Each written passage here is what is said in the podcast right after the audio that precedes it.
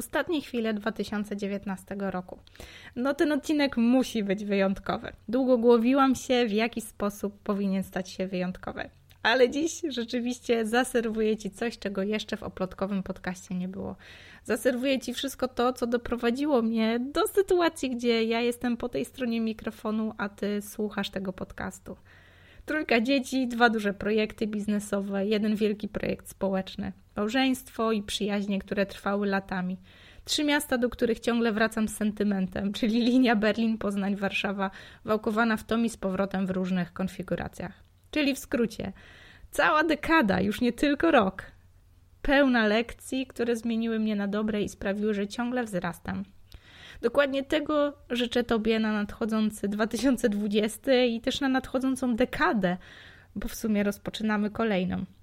Mam nadzieję, że te lekcje, które ja wyniosłam z kolejnych lat, pozwolą w jakiś sposób skłonić Cię do refleksji, może zachęcą Cię do spojrzenia na Twoją zeszłą dekadę w taki bardziej przyjazny sposób. To co, zaczynamy. Do dzieła. 2010. Orety, prehistoria. Po studiach na UAM, to była filologia angielska, zamiast grzecznie zostać panią nauczycielką albo przy dobrej organizacji czasu przyzwoitą tłumaczką, zrobiłam pierwszy krok ku dziecięcemu marzeniu i rozpoczęłam studia na Politechnice. Kierunek architektura i urbanistyka. Po kilku latach studiów i pracy, i tak wiem, że to pierwsze lata imprezowania, przepraszam, integrowania na studiach, ale ten etap zaliczyłam na filologii, więc trochę bardziej bawiło mi bieganie z CV-kami po lokalnych biurach architektonicznych i pisanie artykułów naukowych o konstrukcjach drewnianych. Dzięki takiej zwycięskiej ogólnopolskiej olimpiadzie języka angielskiego dla studentów uczelni technicznych miałam niesamowite fory na tej architekturze podczas aplikacji o możliwość udziału w programie studenckiej wymiany. Chyba wszyscy pamiętamy Sokratesy i co tam się wyrabiało. No, podczas tego programu wymiany, mm, zamiast aplikować o takie miejsca, gdzie bili się wszyscy koledzy z roku, typu Słoneczna Hiszpania czy nie wiem, Skandynawia, którą zawsze zresztą chciałam zwiedzić, e, no wybrałam Berlin z przyziemnego powodu. Byłam już wtedy dawno mężatką i nie wyobrażałam sobie związku na odległość nasze młode weekendowe małżeństwo dotowane z niemieckich proszków do prania, które Jacek przywoził co niedzielę i sprzedawał wśród swoich znajomych z korpo. Nasze małżeństwo przeszło poważną próbę. Nie będę wnikać, ale ta nasza małżeńska historia w ogóle jest takim niezłym materiałem na osobną opowieść, ale chyba nie czuję się na siłach, żeby aż tak bardzo dzielić się prywatnym życiem. Może kiedyś, tak? W każdym razie wspomnienie przenoszenia przez próg wspólnego pokoju w akademiku to jest wspomnienie, którego nigdy nie, nie wymarzę z pamięci. No ale wracając do rzeczy. Te studia w Berlinie, to była akurat architektura na Technische Universität Berlin, dały mi bardzo mocno w kość, ale też otworzyły głowę na raz na zawsze. E, w 2010 zakończyłam śmigająco dosłownie e, rok bo śmigaliśmy na deskach snowboardowych, która była takim naszym zakończeniem, wiecie, epoki rozłąki, tęsknoty i ogromnej takiej pracy w imię lepszej przyszłości. Jacek pracował tu w Poznaniu, ja mm, zasuwałam na tym Sokratesie, podczas gdy wszyscy świetnie się bawili. No i trochę z łezką w oku wspominam te, ten taki e, wypad e, z, z mężem, który właśnie był zwieńczeniem tego okresu rozłąki.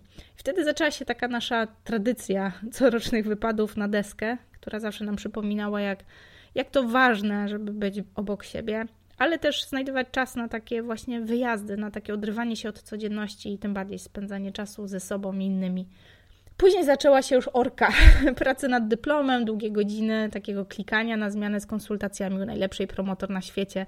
Serdecznie pozdrawiam e, panią profesor, e, doktor habilitowaną Teresę Wardzińską-Bonenberg. Chyba nie znam e, bardziej otwartego i bardziej otwierającego głowę człowieka, który, jak na ironię, prowadził mój dyplom, który był dedykowany historycznej konstrukcji przysługowej.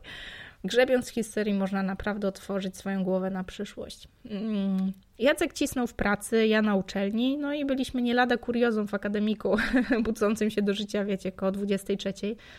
Swoją drogą taka porada, taki protip, jeżeli piszesz dyplom w akademiku, to nie zaginaj rzeczywistości. Nie próbuj spać o 21, bo mąż wstaje do pracy o 5.30 i marzycie o wspólnym śniadaniu, tylko lepiej sprawdzi się system po prostu drzemka po obiedzie, klikanie do drugiej w nocy, sen, klikanie do szóstej, czy tam od szóstej do obiadu. No i tak w kółko. E, no a przy okazji czasem można się załapać na browara lub cytrynówkę, kiedy naprawdę potrzebna jest przerwa od tych akapitów o jakiejś rewitalizacji historycznego domu przysłupowego.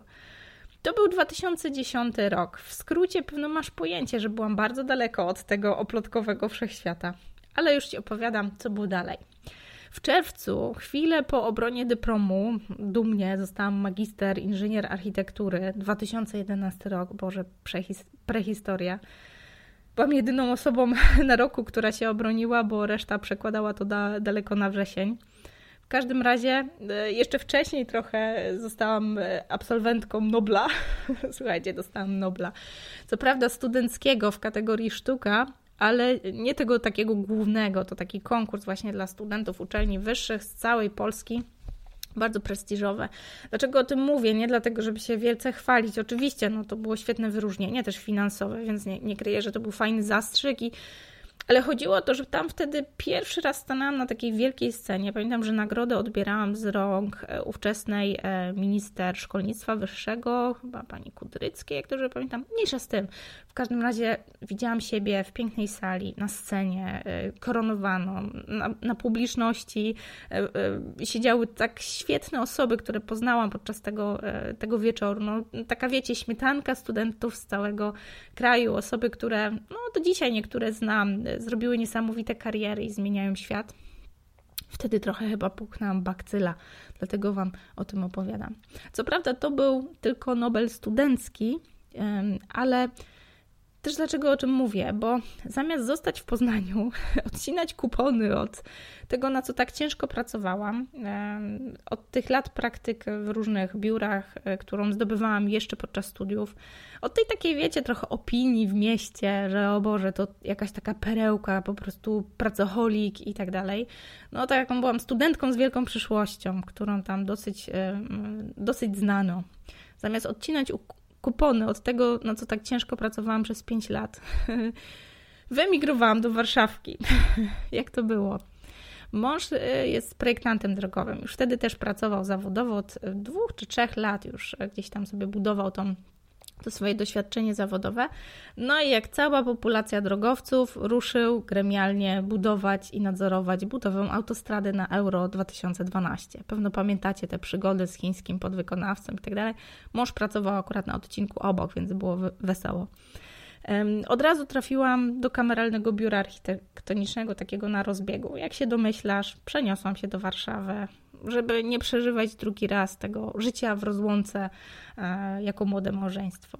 Moja słabość do tradycji takiej historycznej architektury, e, tak jak Ci wspomniałam, robiłam ten właśnie dyplom z rewitalizacji unikalnej konstrukcji drewnianej, zdecydowała o fakcie dołączenia do bardzo fajnego, progresywnego biura. Nie kryję, że najlepiej wspominam ten właśnie początkowy okres rozwoju firmy Rysy Architekci. Swoją drogą bardzo pozdrawiam Rafała, który stał się dla mnie takim no, mentorem tego, jak można prowadzić własną działalność architektoniczną, własne biuro. Masa zapału, świetny zespół, e, idealizm projektowy, tak, siedziba na jakimś poddaszu takiej społecznej czytelni dla dzieciaków, kociak, który łagodził firmowe obyczaje. No, zdecydowanie moje klimaty, jeżeli chodzi o pracę. Nawet nie zorientowałam się, kiedy kolejne miesiące w ciągu tej pracy mijały totalnie niepostrzeżenie. Odhaczałam kolejne wspólne projekty do portfolio, intensywnie uczyłam się prowadzenia własnej firmy architektonicznej. No i tutaj nie, niezastąpiona po prostu pomoc mentora i szefa Rafała. Do dzisiaj wspominam te spotkania, rysuny i śmieszne powiedzonka, które trochę tak łamały tą, tą wiecie, tą sztywność pracy w biurze. Kiedy teraz spoglądam na te projekty, które tak najmocniej utkwiły mi w pamięci tego wspólnego projektowania, widzę, że cały czas ta historia głęboko była we mnie, tak? Gdzieś tam rewitalizacja historycznych dworców w Strykowie, czy głównie jakieś detale historyczne na dworcu w Przemyślu. Swoją drogą odwiedźcie to miejsce, przepiękne, prawie jak zamek. E, gdzieś tam Muzeum Rybołówstwa w Niechorzu. E, nawet teraz, kiedy z dzieciakami jeździmy tam gdzieś na, na wakacje, to tak fajnie z taką łezką w oku trochę patrzy się na to, że to już stoi, funkcjonuje i ludzie odwiera, odwiedzają to miejsce. W każdym razie widzę, że nawet wtedy nieświadomie ciągle oscylowałam wokół tradycyjnych form, takiej rodzimej ciesiołki, rzeźby, doszukiwałam się takiego echa historii w tej naszej współczesności. Hmm. W każdym razie to był czas życia pracą. I dla mnie, i dla męża, no tak, e, no byliśmy już wtedy już dawno małżeństwem, tak? To był czas takiego zarywania nocy, deadline'ów, fuck-upów, wiecie, korpo życia e, i oddawania życia za korpo, tak?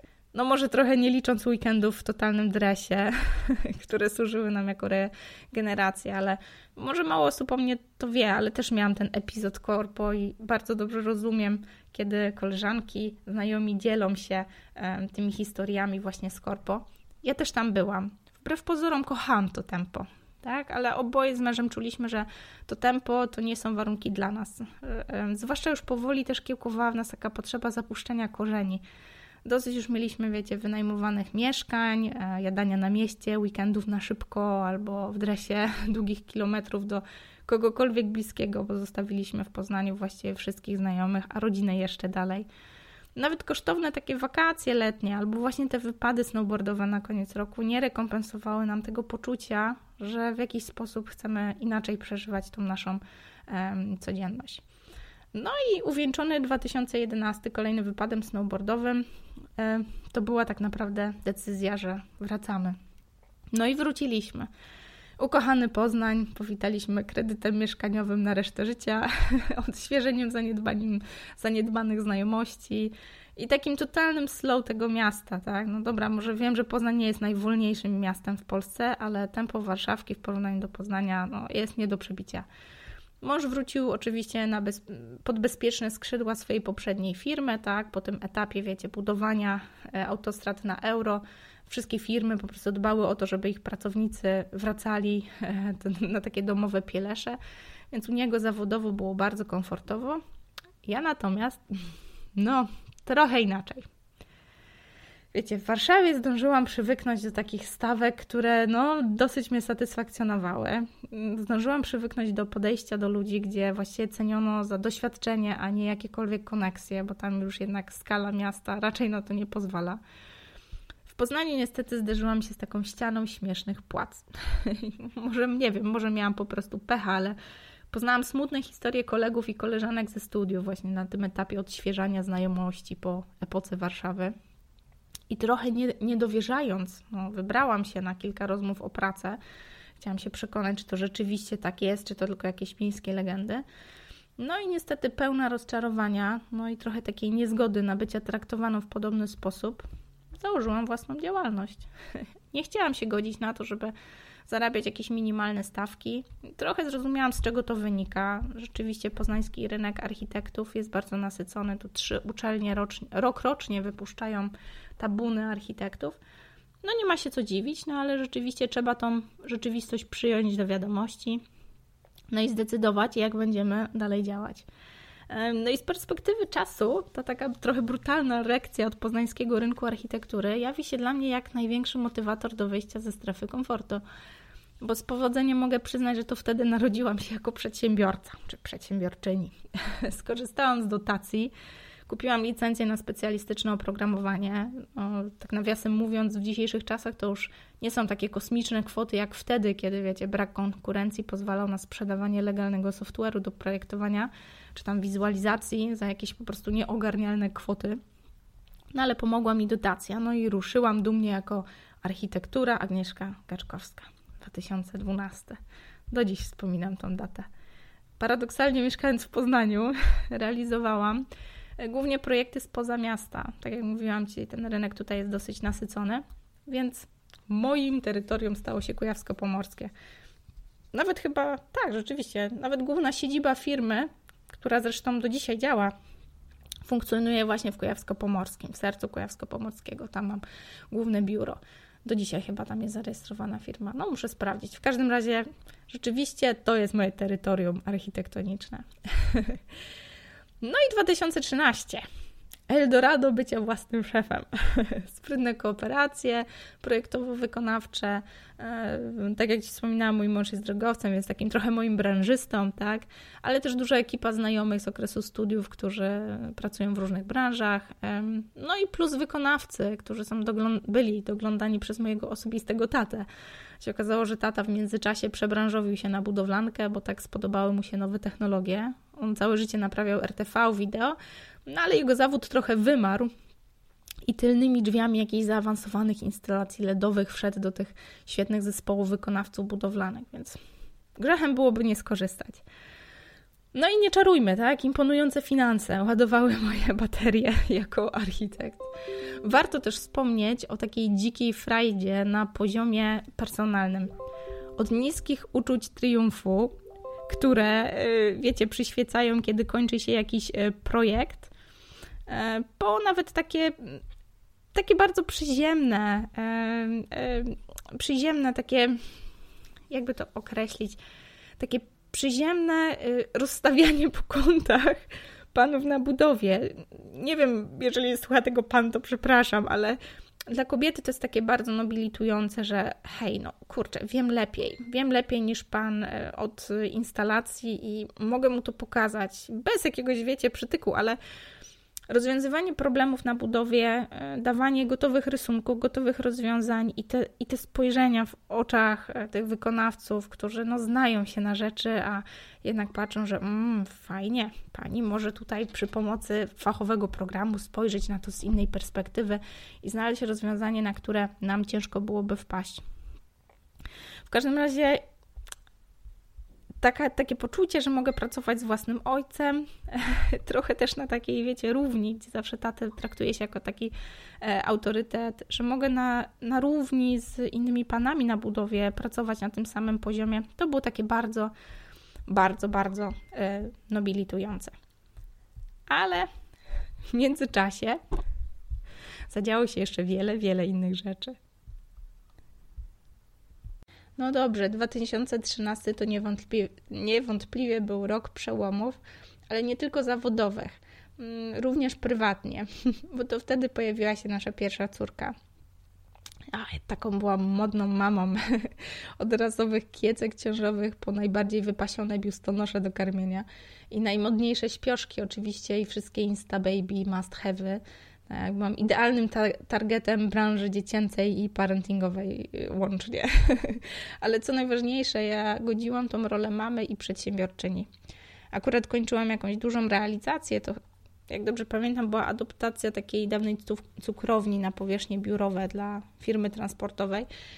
I co prawda zdarzyło mi się biegać po budowie z przychłostowaną lęką, ale najczęściej po prostu e, ratowałam rysunkami takich palących rozwiązań, które wysyłałam tacie, on drukował i dostarczał na budowę. To były takie, wiecie, zlecenia na już w środku nocy. Trochę bajka, nie? E, taka biznes mama na high life'ie. czułam zmęczenie, tak? Czułam niedospanie, czułam, że to trochę za dużo, za szybko i wszystko na raz, ale nie przyznawałam się do tego ani przed sobą, ani broń Boże, przed całym światem jeszcze w ciąży na pełnych obrotach zawodowo i prywatnie.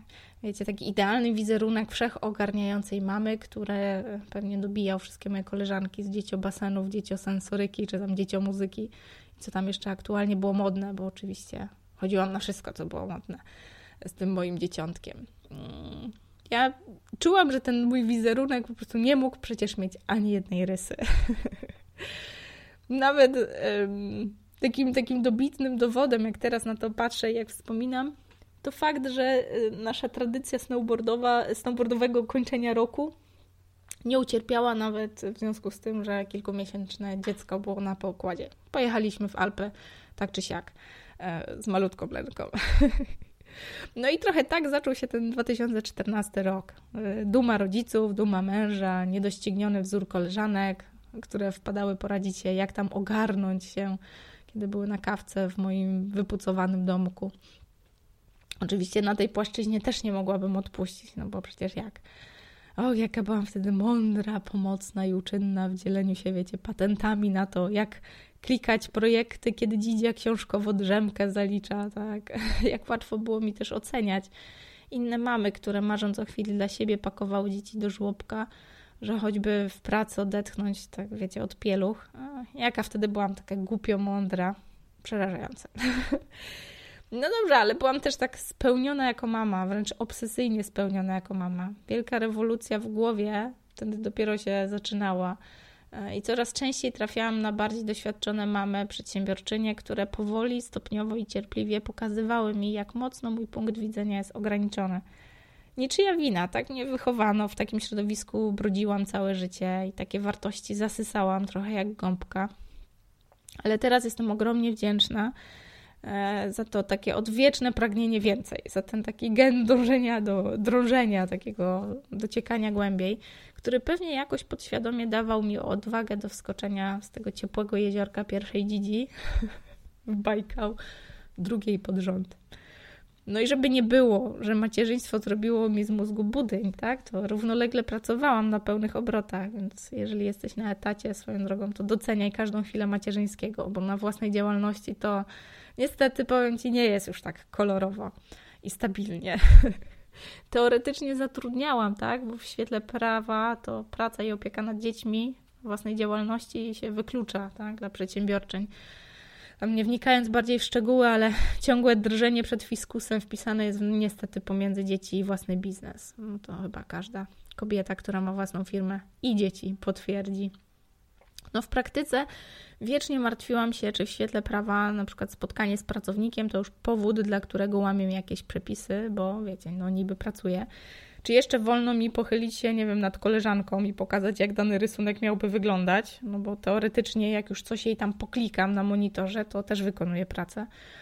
No rety, nawet z takim głupim podpisem na fakturze, tak, który jest potrzebny na fakturze, pędziłam do zatrudnionej koleżanki, bo przecież mi nie wolno i mogę sta stracić status, jak to się tam nazywało, osobistego sprawowania opieki nad dziećmi. Tak to było na, na własnym na własnym um, sumpcie, czyli jakby na własnej firmie. Wiem, że na etacie chyba jest tak, że można dorobić do bezpłatnego wychowawczego, czyli tego bezpłatnego okresu sprawowania opieki nad dzieckiem, ale niestety na swoim to już nie jest takie proste. Raczej czekacie opłacenie pełnej składki ZUS albo kary za nielegalną pracę. No, ale nie będę się rozwodzić, tak? Ponarzekać możemy sobie gdzieś indziej. No, wtedy pierwszy raz po prostu trafiłam na taką grafikę, gdzie mężczyźni w uniformach i kobiety w uniformach ścigają się do jakiegoś odległego celu to tak śmiesznie wygląda. Oni stoją na bieżni i, i dla tych panów ta bieżnia jest czysta, a panie mają po drodze jakieś rozwieszone pranie, pralki i suszarki i, i deski do prasowania, przez które muszą przeskakiwać, żeby dobiec do mety. Wtedy trafiłam pierwszy raz na tą grafikę, ale e, to ona tak trochę uruchomiła taką lawinę przemyśleń na temat tej linii praca, macierzyństwo, życiowe wybory, jakieś priorytety. I wiecie, zawsze miałam wszystko, na co pracowałam. Ciężko pracowałam i to osiągałam, tak? Byłam z siebie dumna. Ale nagle zdałam sobie sprawę, że tak dłużej się po prostu nie da. I trzeba nauczyć się trudnej sztuki wybierania. To był koniec 2014 roku. I rzeczywiście wtedy trzeba było wybierać. I po raz pierwszy, nawet jako małżeństwo, wybraliśmy zostać w domu, a nie szaleć na snowboardzie. Śmieszne, prawda? Śmieszne i nieprawdziwe, bo nawet wtedy pojechaliśmy na deskę. Ja w trzecim miesiącu ciąży, Lenka jako małe dzieciątko i my na deskach. No wtedy jeszcze nie potrafiłam wybierać. Ale to już był ten moment, kiedy powoli uczyłam się, że powinnam. Kiedy poleciała mi krew z nosa po jakimś tam wypadzie właśnie i, i zdałam sobie sprawę, że ktoś po prostu mógł wjechać w moje plecy, mogłam stracić e, swoje dziecko. No, wtedy dotarło do mnie, że czas nauczyć się wybierać. 2015. Jesteśmy na półmetku. Jak się domyślasz, wybrałam. Tak, synek przyszedł na świat w maju, a ja na dobre pożegnałam się z tym szaleńczym tempem biznes mamy na rzecz takiej trochę slow mami. Mój synek, który w wieku 7 miesięcy potrafił już wychodzić z końca, tu dodam dla tych, którzy nie mają dzieci, że to takie, wiecie, pseudo łóżeczko, do którego wkłada się dziecko, jak, trochę jak do bezpiecznej klatki z masą zabawek, żeby nie zrobiło sobie krzywdy, kiedy po prostu, nie wiem, oddajesz się hedonistycznym, pięciominutowym oddechom od ciągłego posiadania oczu w tubsku i na przykład idziesz, nie wiem, do toalety, tak? No, mój syn już w wieku 7 miesięcy potrafił wyjść z takiego końca, więc dał mi delikatnie mówiąc w kość. Zwłaszcza, że za punkt honoru przyjęłam sobie oczywiście fakt, że pierwszą placówką moich dzieci to będzie dopiero przedszkole. Tak? Żadnych żłobków. Nigdy. Po moim trupie. No i dobrze się domyślasz, tak? Lenka, e, starsza córka, spragniona ciepła, jeszcze uwagi, drzemek i przytulania i myziania po pleckach. I Tomek, najruchliwsze dziecko, jakie po prostu znam, czyli macierzyństwo level hard. No ale jak to mówi moja babcia, nie ma tego złego, tak. Z jednej strony to był taki czas totalnego porzucenia pracy, bo oddawałam klientów z tej mojej architektonicznej firmy kolegom i koleżankom po fachu, tak? Ale sama odpuściłam totalnie, tak? I no, nie muszę ci wspominać pewno, jak to się odbiło na domowym budżecie. Jeszcze wtedy nie wiedziałam, że można, nie wiem, rościć sobie prawa do jakiejś prowizji od takich przysług biznesowych. Jakoś kłóciło się z tym moim takim poczuciem e, bycia kolegami, koleżankami biznesowymi, e, to, żeby zarabiać na czyjejś pracy. No ale rzeczywiście firma nie cierpiała, bo klient był obsłużony i to na wysokim poziomie. Ja po prostu tych klientów oddawałam znajomym. No ale ja nie pracowałam, tak? No i właśnie, to był ten, ten moment. To był właśnie ten moment. Żeby wypełnić sobie kreatywnie godziny, kiedy ja byłam przyspawana do, nie wiem, tomkowych ust sących, ruszyłam na poszukiwanie jakiegoś dzieciorękodzieła. I tak się właściwie zaczęło. Tak? Kiedy zobaczyłam, jak bardzo to rękodzieło ratuje moje skołatane nerwy i e, nerwy no, mojej córki starszej, poszłam na całość, tak? Zaczęło się od jakiegoś szycia ubranek dla lalek, lepienia glinianych naczyń, malowania, wycinania, przyklejania, dłubania w najróżniejszych masach solnych, niesolnych. I kiedy w szale takich przedświątecznych przygotowań, e, tak, co roku spędzaliśmy święta w rodzinnej miejscowości, tak, w takim rytmie odwiedzania rodziców, teściów, babci, ciotek, dalszej rodzinki, tak, że zawsze uciekaliśmy z Poznania właśnie do tej naszej miejscowości. I kiedy ta moja babcia w szale sprzątania przedświątecznego znalazła stare zapasy włóczki, drutów, jakichś szydełkowych gadżetów, no to przeniosłam się na dobre w świat wspomnień z podstawówki i ogólniaka. Nie wiem jak twoje pokolenie, ale moje pokolenie dziergało takie super długie szale i wielkie nirwana swetry i nosiło do martensów, tak? I tu za choinkę nie pokażę zdjęcia, jak ja wtedy wyglądałam, ale to było strasznie modne. I to był ten moment, kiedy ja po raz drugi złapałam bakcyla rękodzieła, już jako nastolatka. I ten moment świąt, kiedy babcia wyciągnęła to wszystko z szafy, to był taki magiczny moment. Ja na nowo połknęłam tego bakcyla dziergania. Nie wiem, może babcia wiedziała, że mi to po prostu pomoże, tak? Dostawałam fioła w tej mojej złotej klatce perfekcyjnego macierzyństwa, tak? W każdym razie rzuciła od niechcenia takie, wiecie, zabieraj to do Poznania, bo sprzątam w szafach na święta i jak nie zabierzesz, to wyrzucam. Nie wiem, jakoś nie wierzę, że ten nowy kocyk z magicznej wełny kupiony na jakimś tam pokazie miałby zająć honorowe miejsce w najważniejszej szafie. Także coś czuję, że babcia trochę zrobiła to świadomie. No w każdym razie ze świąt 2015 wróciłam już totalnie zainfekowana bakcylem dziergania, no i ta kojąca infekcja przejęła kontrolę. Bo po raz pierwszy końcówka roku odbyła się bez snowboardowego wypadu. No i wiecie co? Świat się wcale nie zawalił. Po prostu byliśmy w domu. Ja po prostu zaczęłam dziergać. Więc początek 2016 to po prostu dziergałam jak szalona. To były pówki do dziecięcego pokoju, pledy do sypialni, koce do salonu, dywany, poduszki, osłonki na doniczki, wiem, serwetki na stole, jakieś maskotki dla dzieci. Po prostu wpadłam w cuk. Ilość włóczki, bawełnianego sznurka, jakieś wełny, akcesoriów do szydełkowania przerosły moje najśmielsze oczekiwania lokalowe, no i no, budżetowe też. Ze względu na mój zawód, tak, i taką ciągłą potrzebę yy, do kupowania nowych włóczek, więc i debet na koncie, zaczęłam realizować takie małe projekty pokoików dziecięcych. To przyznam się bez bicia, że tak angażowałam się y, trochę we wnętrza, bo jakoś magicznie, y, magicznie zawsze znajdowały się tam co najmniej dwie poduchy, dywan, pówki mojego szydełkowego wykonania trochę tak było, że kiedy szłam na jakieś zajęcia, przedstawiałam się jako architekt, często mamy po prostu prosiły mnie o jakąś tam małą usługę czy zaprojektowanie pokoiku. I właśnie jakoś się tak zawsze przypadkiem składało, że w tych moich projektach znajdowało swoje miejsce szydełkowe dodatki. No w ten sposób trochę monetyzowałam te moje skille i te architektoniczne i te szydełkowe, ale że trafiłam na moment mody na takie handmade we wnętrzach, tak?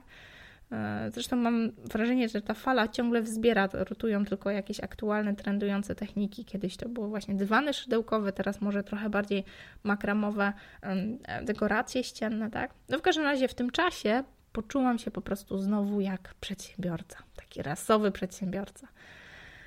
No i równolegle do mini projektów ruszyłam z regularnymi warsztatami szydełkowania koleżanki po architektonicznym fachu wpadały sobie odpocząć od ekranów przy takim, wiecie, niespiesznym slow dziergania i domowego ciasteczka, które no oczywiście u mnie zawsze było upieczone, świeżutkie, pachnące w wypucowanym domku. Powoli w moim domu gościły, wiecie, koleżanki, później koleżanki koleżanek, później koleżanki koleżanek koleżanek. No ja czerpałam pełnymi garściami z tego zewnętrznego świata i rozmów, wiecie, tak słodko innych od placu zabaw, tak? Ale tylko mężowi po prostu coraz bardziej podobał się ten schemat pod tytułem, wiecie, wracam z pracy w korpo, marzę o dresie i kolacji, a tu stado bab, herbatka z jakąś tam wkładką godziny plotkowania w salonie, podczas gdy on ucisza dzieci w malutkim pokoiku.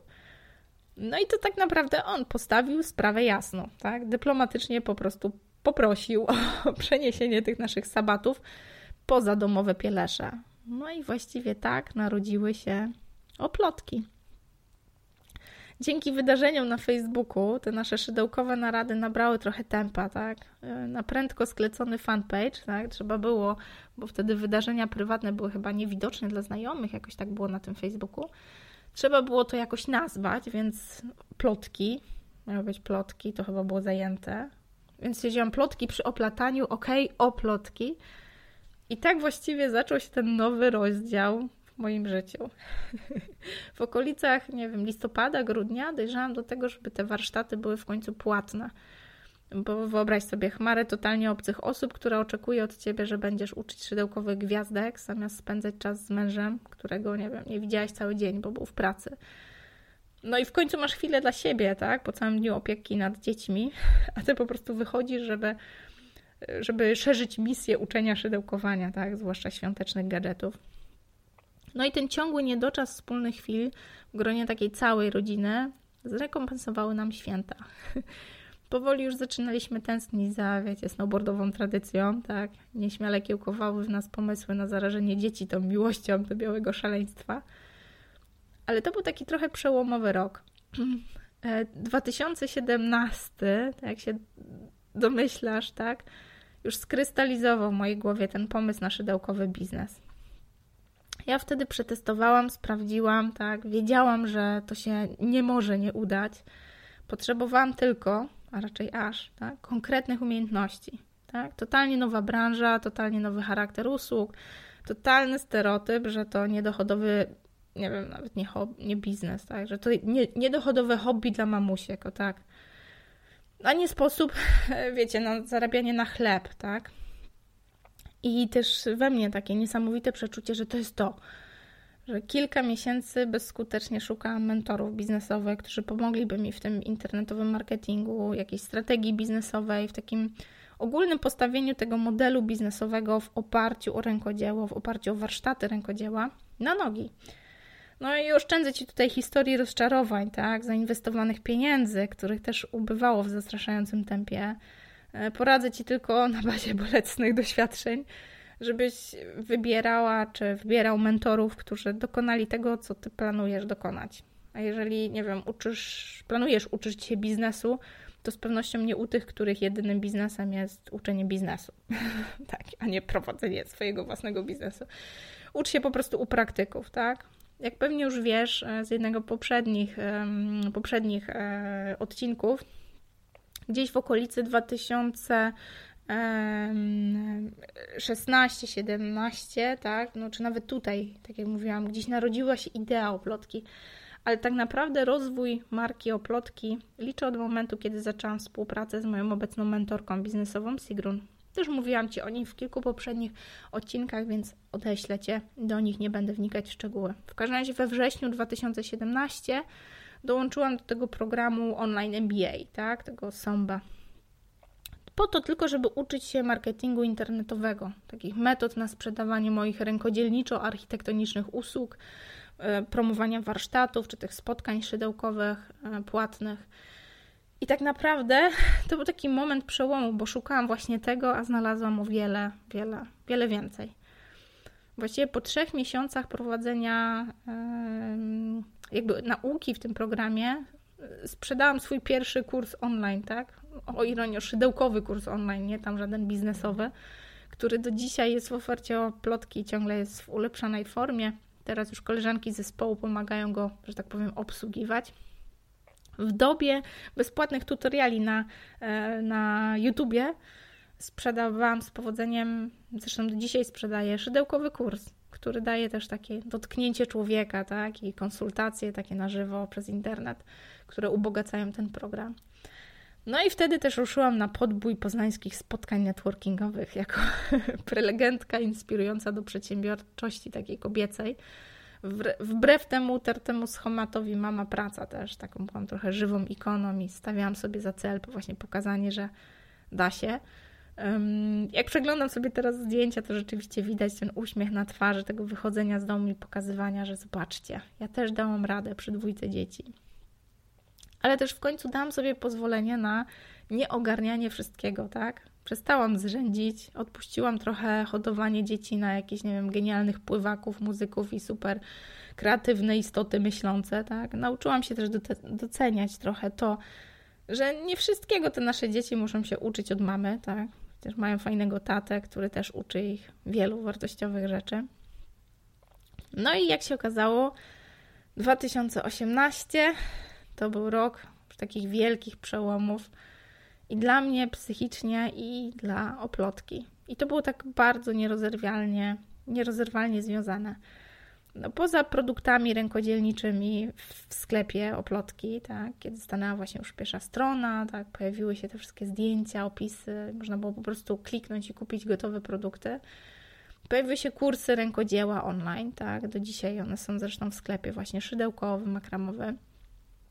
No i poza warsztatami realizowanymi stacjonarnie, do oferty oplotki wprowadziłam po raz pierwszy siebie i swój know-how.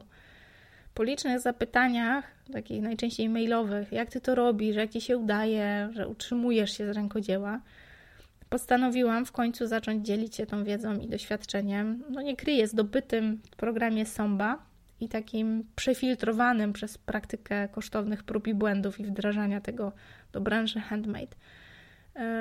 Na podstawie właśnie takiej mikstury wiedzy teoretycznej z programu i zakresu szeroko pojętego takiego biznesu online i tych doświadczeń praktycznych powstały pierwsze programy dla rękodzielników. To wtedy właśnie powstała Akademia Rękodzielnika, zresztą powtarzana co roku do dzisiaj, cały czas, w kilku nawet czasem turach rocznie. Powstał też bezpłatny, powstała wtedy też bezpłatna grupa wsparcia Plotki and Friends, jak zarabiać na rękodziele.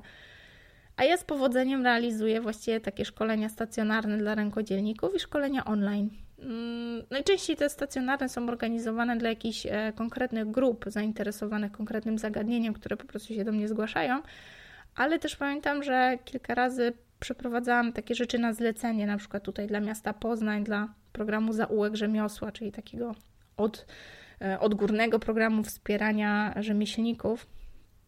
To, to bardzo takie nobilitujące rzeczy, skoro taka instytucja jak Miasto Poznań i jakby wielki program realizowany na terenie miasta, tak, z wielkim budżetem, skoro taki podmiot ufa, że moje, e, moje umiejętności, moja wiedza, moje doświadczenie jest czymś, czym warto się podzielić, no to mnie tak podbudowało, że rzeczywiście to nie jest zabawa w biznesy, tylko to jest poważny biznes, poważna wiedza, poważny know-how, no i też nisza, w której nikt jeszcze właściwie, mm, której nikt właściwie jeszcze nie traktował no, tak poważnie i nie starał się działać tak profesjonalnie. Ale sobie teraz nawkładałam.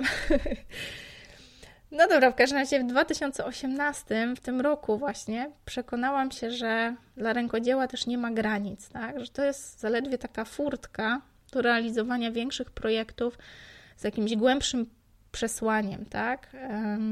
Nie wiem, jakieś wydarzenia, które też y, jakby podpowiadały, że rzeczywiście tak jest, typu e, no nie wiem, zaproszenie na Międzynarodowy Festiwal Kultury Dziecięcej w Pacanowie, tak? Nagle z Poznania do Pacanowa zespół Oplotki bo wtedy już też kilka osób e, dołączało do mnie. Jechałyśmy, żeby robić warsztaty, ale tak naprawdę opowiadałyśmy o kulturze, o tym, skąd to się bierze, że to jest też taka polska tradycja. To takie darcie pierza 2.0. To niesamowita możliwość takiego poznawania nowych miejsc, nowych ludzi, otwierania głowy na nowe. Okazało się, że właśnie oplotki to taki wehikuł do, do większych rzeczy. Aha, jeszcze omal przeoczyłam taki ważny fakt, tak? na przełomie 2017 i 2018 też dałam sobie sprawę, że takie wielkie rzeczy, tak, do których stopniowo nabierałam odwagi, nie zadzieją się same. Tak jak wspomniałam, że nie zrealizujemy ich w pojedynkę. Tak? Takich rzeczy nie robi się samemu. Zaczęłam wtedy właśnie coraz bardziej świadomie e, pracować nad zbudowaniem zespołu osób, z którymi wspólnie będziemy realizować misję oplotki. E, no i znowu to działo się przed, pod takim przewodnictwem mentorki, tak? tej samej mentorki biznesowej Sigrun. Swoją drogą mogę Ci podlinkować też e, odcinek, w którym właśnie był taki honor coaching, gdzie ona też mi trochę pomagała zrozumieć to, że możemy wybrać sposób, w jaki pracujemy z naszym zespołem. Tak? Daleka byłam od budowania zespołu na zasadzie teamu architektonicznego. Nie wiecie, szef rozstawia po kątach, wydaje jakby polecenia, rozlicza, płaci za dowiezioną robotę, tak? No raczej to się w tym miękkim rękodziele nie sprawdzi, więc też budowanie tego modelu bardziej na zasadzie takiego mastermindu kreatywnych ludzi, no było też dużym wyzwaniem, no i nie kryję, że Sigrun tutaj też bardzo, bardzo mi pomogła tym honor coachingiem. Nagranie można też przesłuchać właśnie w jej podcaście, więc też postaram się podlinkować. No w każdym razie dokładnie 31 lipca, swoją drogą, swoją drogą w dzień moich urodzin, oficjalnie dostałyśmy wpis do KRS-u, czyli oficjalnie wystartowało Stowarzyszenie Oplotki. Tak? Świadomie rozdzieliłam ten biznes od wielkiej idei, po to, żeby no też jakby nie mieszały się takie, wiecie, takie brudne zarabianie pieniędzy i takie czyste idee, tak żeby to było bardzo, bardzo takie jasne i przejrzyste. No i wtedy pojawiły się takie wielkie projekty wspólne. Pierwszy raz lokal, tak, pierwszy wielki wspólny projekt, czyli projekt zajezdnia, no właśnie taki 130-metrowy lokal warsztatowy, e, takie trochę inkubator tych naszych pomysłów. Tak nazwałyśmy to oplotki pop-up. W każdym razie pierwszy projekt, który mm, realizowałyśmy w takiej większej grupie jako stowarzyszenie. Mm, kiedy zobaczyłam, jak potężne rzeczy oplotki mogą robić w zgranej grupie kobiet, no to pozbyłam się wszelkich obaw. Ja zrozumiałam wtedy, że do takich rzeczy po prostu jestem stworzona, że, że cała, cała ta dekada, całe to moje życie pchało mnie właśnie w kierunku robienia takich rzeczy. z całą energią, z całą wdzięcznością za takie umiejętności zdobyte w tym programie Samba. Zostałam wtedy ambasadorką tego programu tutaj w Polsce.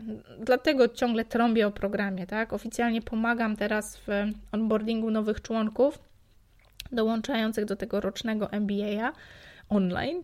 E, tak, i w praktyce ten, e, ten program to jest trochę jak uniwersytet, tak? Ja po prostu pomagam w takim szybszym odnalezieniu odpowiednich materiałów w bibliotece. Wiesz, wiecie, to tak jak trochę idziemy i szukamy gdzieś stołówka, gdzie jest szatnia, to ja trochę w tym pomagam, w takim zadomowieniu się w tej międzynarodowej społeczności i takim przygotowaniu do zajęć, które często są bardzo intensywnymi sesjami, z jakąś porcją wiedzy do wdrożenia od razu więc w praktyce pomaga minimalizować ten czas potrzebny na orientację w programie, żeby, żeby wykorzystać, po prostu zmaksymalizować efekty pracy w programie. Jestem z tego przedumna, bo e, no, byłam jedną z chyba kilku pierwszych Polek, które dołączały do programu. I widzę, że teraz jestem takim troszkę kanałem, przez który wiele Polek do programu dołącza. No i też jestem liderką tej polskiej społeczności w programie. Okej, okay, okej, okay, już wyłączam telefon i wznawiam nagrywanie. Skończyłeś, skończyliśmy gdzieś na końcówce 2018. Tak, rzeczywiście, był przebogaty w jakieś przełomy, inicjatywy, działania i wnioski. Eee, dlatego właściwie nagrałam, pamiętam pod koniec 2018 nagrałam też takie wideo podsumowujące cały rok, które opowiada o całym tym 2018 roku e, w szczegółach. Więc bardzo, bardzo serdecznie też Cię zapraszam do tego wideo. Podlinkuję je w artykule, e, więc nie ma sprawy. W każdym razie przechodzę do 2019, tak? I e, nie wiem, gdzieś, czy to było w 2018 czy 2019, ale gdzieś usłyszałam, jesteś wypadkową pięciu osób, z którymi spędzasz najwięcej czasu. Tak? I jakoś tak mocno zapadło mi to w pamięć i to chyba było jakoś dawno już, kiedy to usłyszałam, ale właściwie dopiero w tym 2019 na całego postanowiłam wdrażać to w życie. Świadomie wybierałam wydarzenia, na które poświęcałam czas, świadomie wybierałam towarzyszki, spotkań przy kawie na przykład. Mm, coraz bardziej świadomie wybierałam rodzinę ponad jakieś rozpraszacze i rzeczywiście to działa, tak? I kiedy porównuję siebie do siebie z wczoraj, to to porównanie zawsze jakoś wypada bardziej korzystnie. No nie wiem, w takim sensie, że nawet jak widzę, że się zmieniam, tak, i, i powolutku staję tą osobą, która mi imponowała, nie wiem, jeszcze rok temu, dwa lata temu, albo tą osobą, która jest obok mnie właśnie, którymi się otaczam, bo w jakiś sposób mi imponują, to to porównanie z, ze sobą z wczoraj zawsze, e, zawsze wypada jakoś tak korzystnie. E, 2019 tam Sigrun Live, Forbes Woman Meetup, jakiś kongres kobiet, inne spotkania silnych kobiet, które imponują mi osiągnięciami. I tak mam wrażenie, że przez jakąś magiczną dyfuzję uczę się tej ich determinacji, skupienia na celu, nierozpraszania takimi małymi sprawami. No nie muszę Ci chyba mówić, że im więcej jestem widoczna, im bardziej się jakby eksponuję, tym hejt e, bardziej leje się strumieniami, e, hejt jakichś frustratów, tak. Mm, ale uczę się z tym radzić, tak. Uczę sobie, uczę się trochę radzić z tymi trudnymi emocjami i poznaję specjalistki w dziedzinach, o których istnieniu jeszcze jakiś czas temu w ogóle nie miałam pojęcia. No i czerpię garściami z tego ich przebogactwa e, wiedzy, no i tego bogactwa życia przez duże ży. Mm, twoje wzorce pewno są inne, tak? I pewno, mm, nie wiem, dążysz do innych celów, ale ta idea dawania sobie szansy i otaczania się takimi osobami, które cię inspirują, jak najbardziej chciałabym, żeby pozostała w tobie. Dlatego ten 2019 trochę bardziej szczegółowo przeanalizowałam, bo mam wrażenie, że tutaj zadziało się bardzo dużo takich ważnych rzeczy, które mam nadzieję też Tobie pomogą mm, czy dadzą szansę na jakąś refleksję. No i jak już pewno wiesz, wyznaję taką zasadę dzielenia się, aby pomnożyć. No i w myśl tej zasady bezbrzeżnie dzielę się tą wiedzą, czy to z zespołem koleżanek współtworzonych, e, współtworzących Stowarzyszenie Oplotki.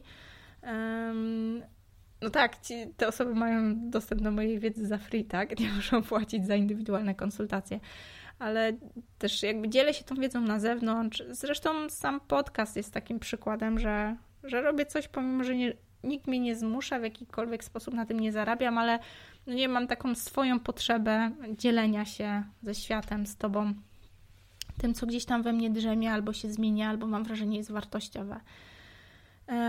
No po pewnym czasie, niestety, przyszło mi jednak zapłacić rachunek za taką trochę naiwność. Liczyłam, że e, każda z nas w stowarzyszeniu e, będzie tak samo zapalona do wiecie, idei inspirowania rękodzielniczej przedsiębiorczości kobiecej, tak? Trochę jak ja. Tak? A wiedza, energia i takie nowe projekty będą, wiecie, pączkować w nieskończoność, tak? No i jak to? Sobie myślałam. Przecież tyle z siebie daję w domyśle dla Was, tak? Koleżanki, koledzy, dziewczyny z zespołu, stowarzyszenie, tak, wręcz trochę wymagałam, żeby każda z nas poświęcała na pracę nad tym ekosystemem wzrostu rękodzielników, jak to nazywamy oplotki, no minimum tyle czasu dziennie co ja. Tak? No i szybko sobie uzmysłowiłam, że to po prostu równia pochyła albo do katastrofy, albo e, po prostu dla śmierci naszej idei, no albo co najmniej do utraty grona niezastąpionych przyjaciółek. Dlatego bez zbędnego gadania rozdzieliłam miękką ideę od twardego biznesu. Tym wyraźniej postawiłam tą grafi- e, taką granicę. Widzę, że ja już teraz nie próbuję obarczać odpowiedzialnością za oplotkowy biznes nikogo innego poza sobą. Tak? Dorosłam i zaczęłam po prostu zatrudniać. Tak? I piszę o tym e, w tym artykule blogowym, zresztą Cię odeślę do niego. Um, ale Zresztą powiem o tym jeszcze tutaj dalej trochę, ale chciałam Ci tylko napomknąć o tym, jak mocno nauczyłam się komunikować potrzeby i wymagać tego samego od koleżanek, czy to ze stowarzyszenia, czy z tego biznesowego zespołu. Postawiłam bardziej na te małe bóle kosztem takich wielkich domysłów. Myślę, że to jest coś, co możesz wziąć też dla siebie. Bo mam trochę świadomość, że czasami ranię uczucia, tak? Sama też no, czasem czuję się urażona, tak? Ale mam wrażenie, że te małe blizny budują te nasze wzajemne relacje, to nasze wzajemne zaufanie, No i rzucając snop światła w takie miejsca rozmytych granic, wiecie, takie miejsca, o których czasem nie chce się mówić, bo mamy obawy, że kogoś urazimy. I kiedy szczytny projekt społeczny, wiecie, idzie jak po grudzie, tak, to ten projekt, o którym mówiłam na samym początku podcastu, taki duży projekt społeczny, gdzie nasze rękodzieło stało się mm, pretekstem do animowania lokalnej społeczności. Te nasze oplotkowe spotkania przy rękodziele były takimi spotkaniami dla dużych, małych, starszych, młodych, przy których można było pogadać o, wiecie, o lokalnych inicjatywach, tak, generalnie spotkać się z sąsiadem. Taka była główna idea. Nie będę też tutaj dużo, dużo opowiadać. W każdym razie bardzo fajny, duży, taki szczytny projekt społeczny. Ale kiedy nie ma środków na jego realizację, więc i wiecie, chęci dawania bezpłatnej pracy ze strony zespołu, czyli po ludzku prowadzenia e, warsztatów za darmochę, no to nie ma co się obrażać na rzeczywistość, tak? Lepiej wspólnie poszukać takiego modelu, w którym, no jeżeli nie finanse, to jakieś inne formy zapłaty zmobilizują do kontynuacji działań i realizowania zamierzonych celów, tak? Niż zakinać rzeczywistość i obrażać się, że ktoś woli zająć się czymś innym, czy nie znajduje czasu na właśnie takie prowadzenie warsztatów. Wiecie, może to zabrzmi trochę gruboskórnie, ale mam wrażenie, że zaczynam rozumieć, dlaczego tak szybko wypalają się wolontariusze, czy nie wiem, osoby pracujące gdzieś tam społecznie, albo no nie wiem, pracujące przy arteterapii, tak? To jest tak niewdzięczna i tak niezapłacona praca, której ja trochę wymagałam od koleżanek z naszego stowarzyszenia, yy, tylko dlatego, że ja miałam taką potrzebę robienia czegoś takiego po to, żeby no, dosyć egoistycznie poczuć się lepiej jako człowiek. Och, jak teraz sobie na to patrzę, to rzeczywiście to taka trochę moja prywatna spowiedź, ale mam nadzieję, że wyciągniesz coś dla siebie, bo główna lekcja to ten brak komunikacji, tak? Mm. Okej, okay. powiem o czymś jeszcze. Wiecie, są koszty prowadzenia pełnej księgowości stowarzyszenia. Mamy abonament platformy sklepu, akurat mamy na Shoplo, tak? Stałe koszty utrzymania narzędzi do komunikacji online, tak? Czyli na przykład ten Zoom, gdzie spotykamy się jako członkinie stowarzyszenia, tak? No jesteśmy rozsiane po całej Polsce, co prawda najwięcej nas jest z Poznania, ale jesteśmy rozsiane po całej Polsce, a właściwie teraz to już nawet Europie. Tak, mamy system do wysyłki newsletterów, który jest płatny. Swoją drogą, jeżeli nie lubisz naszych wiadomości newsletterowych, to śmiało się wypisuj, bo to rzeczywiście kosztuje. Każdy kontakt to duże koszty, więc jeżeli drażnią Cię nasze informacje, to śmiało możesz się wypisać. Chyba, że chcesz je zapisać, to też zapraszamy. Podlinkuję tutaj nasz newsletter. To są tylko jakieś, e, to jest jakaś część naszych opłat, to są takie stałe, comiesięczne opłaty stowarzyszenia, ale do tego dochodzą jeszcze jakieś faktury za okazjonalne usługi radców prawnych, doradców, osób zajmujących się szkoleniami, choćby nie wiem, z zakresu komunikacji w zespole, tak, sprawnego team buildingu, czy tam, nie wiem, storytellingu dla marketingu. Oburzonym aplikantom, czy osobom, które chcą do nas od tak sobie dołączyć, którzy słyszą, że mamy coś takiego jak składkę, składkę członkowską e, i uznają jako za, nie wiem, osobisty atak na ideę stowarzyszenia, tak? Nawet no, nie poświęcam już energii na tłumaczenie się. Mimo, że tutaj tak trochę się tłumaczę, to uczę się szanować czas e, i swój, i dziewczyn z zespołu, ale też e, no, siebie i to, co robimy. Mam wrażenie, że oplotki to już nie jest zabawa w biznes, że stowarzyszenie to też już nie jest tylko zabawa w charytatywność. I dlatego o tym mówię, bo e, chciałabym Cię zostawić z taką, e, z taką refleksją na temat tego, jak i co robisz, e, i że masz prawo robić to na takim poziomie, nie wiem, profesjonalizacji czy jakości, który Tobie odpowiada. I tak naprawdę nikomu nie musisz się z tego tłumaczyć. no i przede wszystkim ważny jest Twój czas. Długie godziny, e, nie wiem, bardziej czy mniej konstruktywnych poszukiwań rozwiązań jakichś problemów, wyzwań, czy tam, nie wiem, szukania nowatorskich ofert albo innowacyjnych projektów. Długie godziny wydzierane, wiecie, przez każdą z nas z deficytów rodzinnych przytulasów. Nie wiem, jakichś płatnych zleceń albo bezcennych minut z książką, czy tam robótką po prostu to jest ten bezcenny czas, który okazuje się największym kosztem oplotki. Mam wrażenie, że inkubujemy coś niezwykłego, coś totalnie nowego, ale czuję, że takie małe i duże przełomy pchają nas do przodu. No ale wszystkie płacimy za to wysoką cenę. Właśnie cenę tego czasu, tak? Ja sama kupiłam sobie trochę czasu, dosłownie. I to też myśl, z którą chcecie zostawić, tak? Bo od czasu, kiedy zaczęłam delegować zadania, tak, niezastąpionej po prostu wirtualnej asystentce swoją drogą, to nie wiem, Karolina, jak mogłam bez ciebie funkcjonować, tak? Zaczęłam oddawać Natalii, zajmującej się u nas projektami graficznymi, e, czy to dla mnie jakby biznesowo, czy w ogóle dla oplotki, tak? Swoją drogą polecam współpracę z Natalią. Od tego czasu nagle zyskałam oddech na, no choćby nagrywanie tych odcinków podcastu z ciekawymi gośćmi, tak?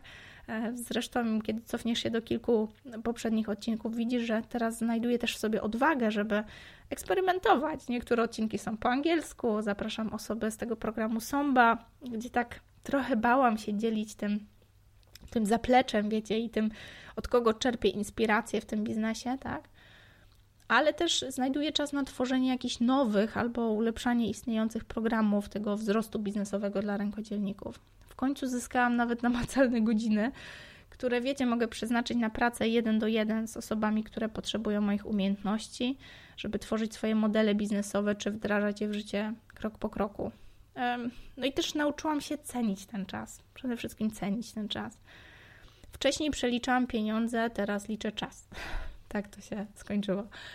Każdy program ułatwiający funkcjonowanie jakichś procesów w oplotkowym biznesie jest wart inwestycji tego czasu. Tak? Bramki płatności, które wiem, oszczędzają czas potrzebny na przyjęcie jakiejś opłaty za kurs, albo programy do fakturowania, które automatyzują ten proces, albo nie wiem, jakieś małe aplikacje, które usprawniają komunikację między oplotkami a fanami, czy uczestnikami warsztatów, czy członkami społeczności na tych, wiecie, niezliczonych platformach, tam od Facebooka, Instagrama, przez Pinteresta, YouTube'a, aż po, no, aż po nasze podcasty. Paradoksalnie każda z takich inwestycji pozwala zarabiać.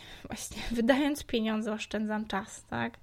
No i przez to też moja praca jest coraz bardziej wydajna, tak? Świadczę usługi na coraz wyższym poziomie, no bo w końcu mam wystarczająco dużo czasu na rozwijanie też swoich najmocniejszych kompetencji, które bezpośrednio przekładają się też na sukcesy moich klientek, czyli rękodzielniczek, którym pomagam tworzyć ich modele biznesu w oparciu o rękodzieło. Mówię o tym, żeby zachęcić Cię trochę do wyjścia z tego wpojanego nam od podstawówki modelu, że jestem słaba z matmy, to idę na korki z matmy. Tak? Ja bardzo chciałabym Cię zostawić z myślą pod tytułem Jestem słaba z matmy, olewam matmę. I przepraszam bardzo, nie olewam, deleguję ale za to maniakalnie doszkalam się z polskiego, bo czuję, że te moje wypracowania dobrze mi wychodzą i lubię je pisać. Tak? A po ludzku po prostu rób to, w czym czujesz się mocna, dobra, wiem, spełniona, tak? bo świat tego potrzebuje. Szkoda czasu na szarpanie się z tym, co nie leży w Twoich kompetencjach, bo gwarantuję Ci, że wokół Ciebie znajdziesz takie osoby, które po prostu lubią robić to, co Tobie spędza sens powiek. Co jeszcze odkryłam w tym 2019? Wiem, zmierzamy już do końca, powoli, ale delektuję się każdą tą refleksją, nawet sobie je spisałam, żeby żadnej nie uronić. Przy okazji odkryłam jeszcze jeden wymiar czasu. Ja sobie narzuciłam bardzo intensywny rytm pracy. No, trochę tak jestem zbudowana, tak? Jakoś pominęłam w swoim planowaniu projektów na 2019 rok fakt, że planujemy powiększenie rodziny. Szczęśliwie nie czekaliśmy długo od momentu podjęcia decyzji, ale też no, wczesna wiosna przyniosła nam radosną nowinę, tak? co w dużym stopniu zweryfikowało sposób mojej pracy. E, w 2019 roku paradoksalnie właśnie to pomogło w dele delegowaniu zadań. E, no ale również uzmysłowiło, jak trudno jest przedsiębiorczym kobietom, które kochają swoją pracę, po prostu zwolnić, po prostu wyluzować, tak? Po prostu skupić się na czymkolwiek innym. Tak wiele pracy i to poczucie, że, że świat, tak, czytaj ten nasz mozolnie budowany biznes, się zawali, tak, kiedy zniknę na ten mały moment związany z ciążą, połogiem, urlopem, swoją drogą nie wiem kto to tak nazwał, urlopem macierzyńskim, tak, a później wychowawczym. Też doświadczyłam tego y, osławionego FOMO, tak, fear of missing out, tak? I, i ciągle właściwie tego doświadczam, tak? Choć także świadomie zwolniłam. No i wiesz co, świat się wcale nie zawalił bez kolejnego Facebook Live'a w moim wydaniu, tak? Szczęśliwie w zespole są niezastąpione koleżanki, które na przykład, nie wiem, dziergają online i dzięki temu na tym naszym Facebooku dzieją się żywe rzeczy. Mm, ale świat się nie zawalił, tak? No, odbieram czasem maile od niektórych osób, które mówią, że o, teraz już prawie mnie nie widać. No ale to, to są właśnie te świadome decyzje. Plany, które były zapisane w kajeciku, tak? E, ciągle jednak jeszcze preferuję taki old school notowania na pachnącym papierze, pomimo że korzystam z narzędzi online, to jednak to jest mój klimat. E, no to te plany jakoś nie uciekły, pomimo że są realizowane w no, trochę wolniejszym tempie. Ja po prostu dbam o siebie, choć już nie tylko, bo muszę, tak? ale dlatego, że zaskakująco szybko odkryłam, że mniej pracy znaczy więcej. Więcej jakości, więcej refleksji, więcej takiej samoświadomości, po co i dlaczego cokolwiek robimy. I to też jest taka myśl, z którą chciałabym się z Tobą podzielić, że nie zawsze musimy pędzić, e, bo daje nam to tylko takie złudne poczucie, że ciężko pracujemy. Czasem mniej rzeczywiście znaczy więcej. Mm, no i doceniłam też czas mojego męża, tak? Oczekując od siebie nie wiadomo jakiej wydajności w godzeniu domu i pracy, wymagałam trochę od niego tego samego. Kiedy odpuściłam sobie kilka obowiązków, tak, i o tym też pewno wspomnę jeszcze, ale przestałam stawiać tą poprzeczkę tak nieznośnie wysoko również dla niego. W końcu doceniłam jego pracę, nie wiem, doradztwo wideo, to właśnie dzięki niemu takie dosyć ładne te wideo nasze kursowe są. To on pomagał mi w wyborze sprzętu, tak? Spędzał długie godziny, żeby tam rozkminić, co z czym jak połączyć, żeby dobrze nagrywało. Tak? Ciągle podrzucam jakieś nowinki techniczne, które kreatywnie staram się wykorzystywać w ulepszaniu oplotkowej jakości pracy, czy choćby jakości tego podcastu, tak? To on wybrał mój mikrofon, przez który właśnie do Ciebie nagrywam.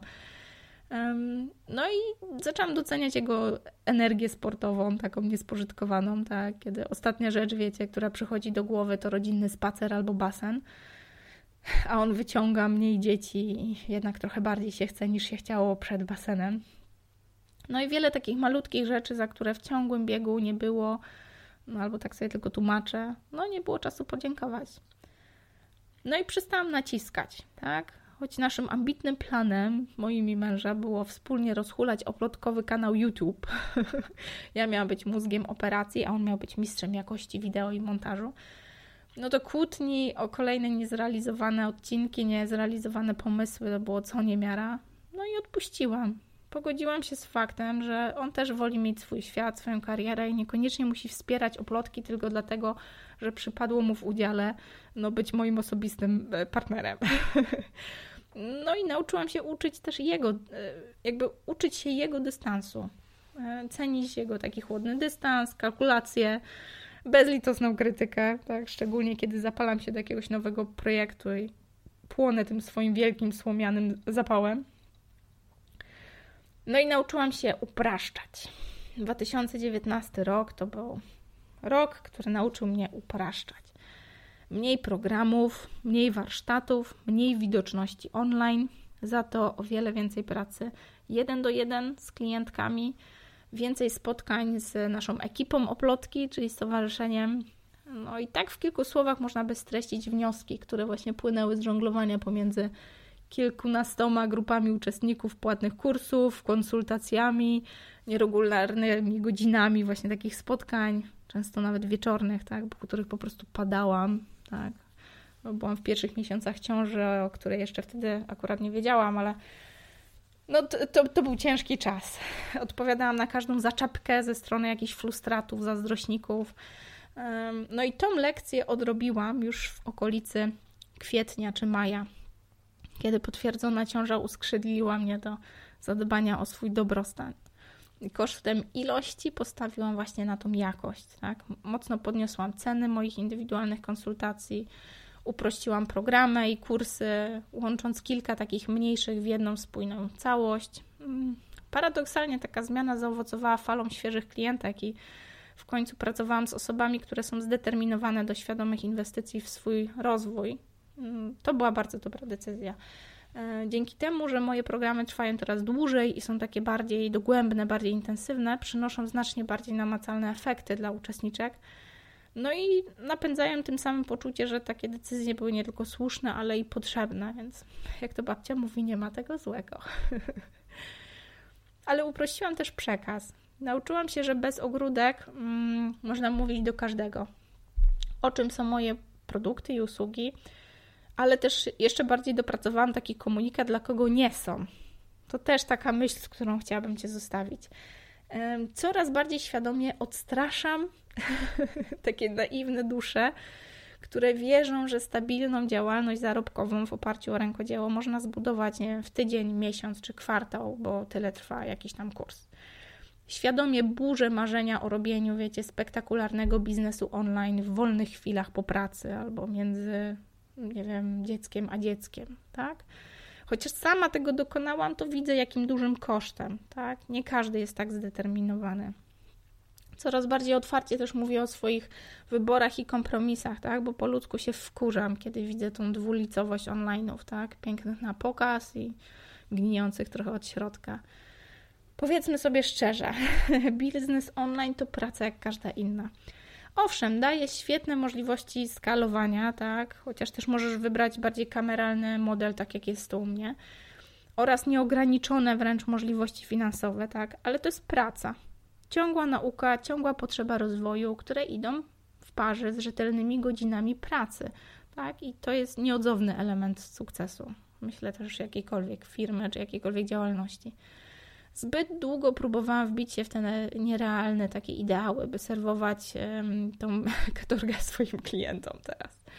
Z góry informuję o blaskach i cieniach działalności zarobkowej w oparciu o rękodzieło oraz o tym, że warto po prostu zadbać um, o zapytanie siebie, czego tak naprawdę we własnym biznesie szukam. Nie, nie warto odkrywać, że nie wiem, to nie dla mnie wielka skala i wielkie pieniądze, bo przecież dla mnie ważniejszy jest spokój, czy skala, która pozwala mi na dużą ilość czasu wolnego dla mojej rodziny. Nauczyłam się trochę, że no to jest akurat bolesna lekcja, ale nie zakładać z góry, że każda osoba, z którą się dzielę wiedzą, pomysłami, czy tam zapraszam do współpracy, ma dobre intencje. Chłodnej takiej kalkulacji, spisywania umów, dbania o jasne wyznaczanie granic, jakichś zasad współpracy nauczyłam się niestety poprzez kilka bolesnych lekcji, nieudanych projektów. No, takich rozczarowujących współpracy i poczucia bycia wykorzystanym, tak? Ale bez użalania. To akurat jest wliczone w uroki bycia przedsiębiorcą, ale Ciebie uczulam, bo możesz się uczyć na moich błędach, niekoniecznie na swoich. Warto zainwestować trochę więcej w dobrą umowę, warto zaprzyjaźnić się ze swoim radcą prawnym i korzystać z jego usług kiedy tylko zajdzie taka potrzeba. Warto robić rzeczy trochę wolniej i z trochę większym takim przemyśleniem. Um, to procentuje. Tak? No i kolejna myśl, z którą też chcecie zostawić e, taki wniosek 2019 roku. E, może niekoniecznie tak jest u ciebie, ale ja w 2019 zaufałam na dobre swojej intuicji. Każdy nieudany projekt rozkładałam na czynniki pierwsze w myśl zasady nie ma porażek, są lekcje. Jednak najczęściej dochodziłam do jednego i tego samego wniosku. Trzeba było zaufać irracjonalnym przeczuciom.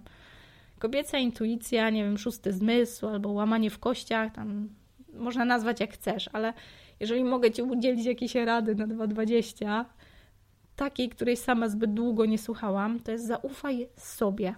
Za każdym razem, kiedy coś poszło nie tak, miałam poczucie, że jakiś wewnętrzny głos, jakaś kobieca intuicja mnie przed tym po prostu ostrzegała, a ja go po prostu nie posłuchałam. I teraz uczę się w ten głos wsłuchiwać, zamiast go w ogóle ignorować. Otaczam się ludźmi, z którymi e, o tych irracjonalnych przeczuciach, obawach mogę otwarcie rozmawiać. Nie, uczy, nie oczekuję nawet ich jakiejś tam rady, tak? Ale sama możliwość nazwania, sprecyzowania, zwerbalizowania takich obaw najczęściej wystarcza do upewnienia się, że decyzja, którą chcę podjąć, jest moja, jest jakby słuszna jest taką, którą powinnam w tym momencie podjąć. No i osobiście wygrałam.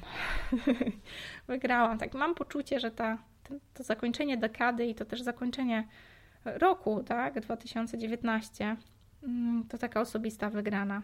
Bo zawsze marzyłam o wielkiej rodzinie, takiej pełnej, pełnym rozbieganych stópek domu, o takim modelu pracy, który pozwala mi godzić jedno z drugim. I kosztem długiej drogi, tak, no tu chyba ten, chyba ten odcinek jest wystarczająco długi, więc masz świadomość, ile, ile było wyboistych jakby zakrętów życiowych, żeby dojść do tego punktu. No i kosztem takich cennych lekcji, tak, wielu kompromisów, no udało się. Nie, nie zdawałam sobie sprawy, dopóki nie zaczęłam pisać tego podsumowania, przygotowując się do tego odcinku. Um, dziedzia numer 3 uwieńczyła, um, mówię uwieńczyła, chociaż nagrywam ten odcinek, kiedy jeszcze jest w brzuszku, ale uwieńczyła um, ten 2019 rok i tym samym na nowo przemeblowała nasze rodzinne i biznesowe funkcjonowanie na co dzień.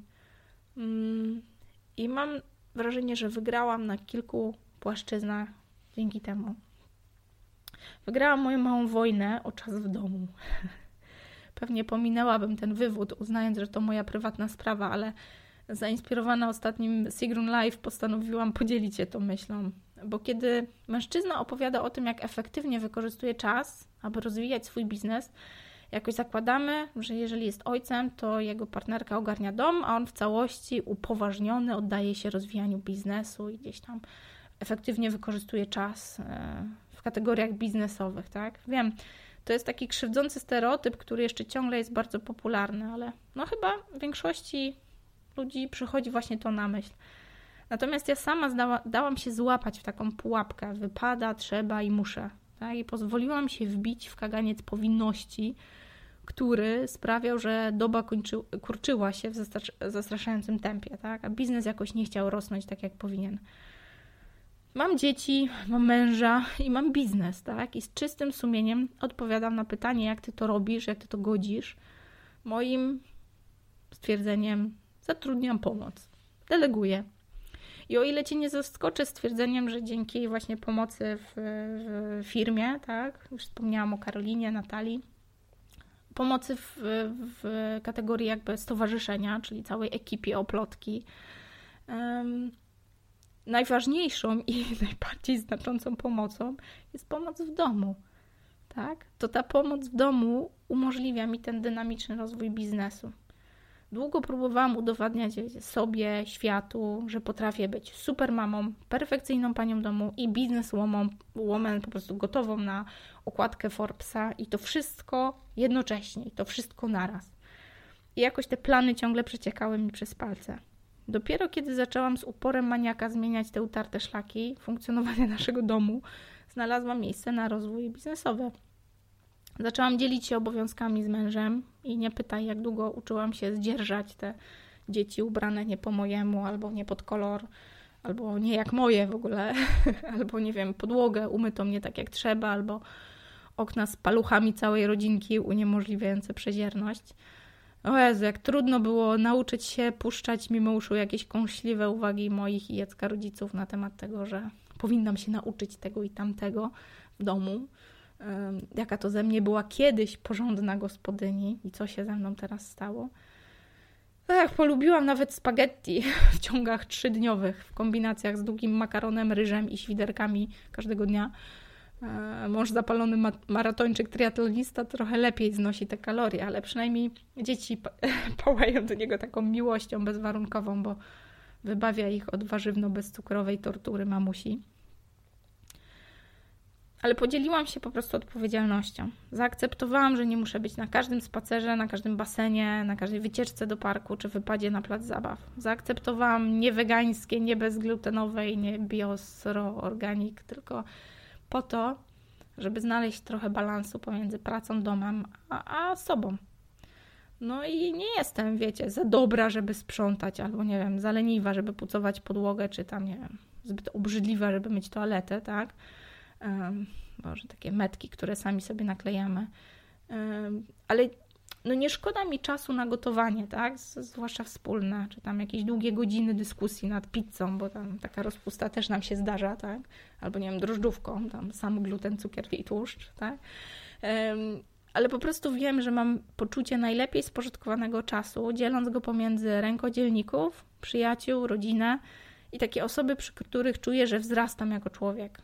Wszystko inne, jeżeli tylko mogę, wolę odpuszczać. No i jeszcze taka kwestia, wiecie, która ostatnio mnie poruszyła. Zastanów się, ile ty godzin w tygodniu pracujesz za darmo. Tak, czuję, że dzięki takiemu trochę patrzeniu na sprawę, o którym ci przed chwilą opowiedziałam, daję też pracę koleżance, która akurat w, w tym momencie jej potrzebuje.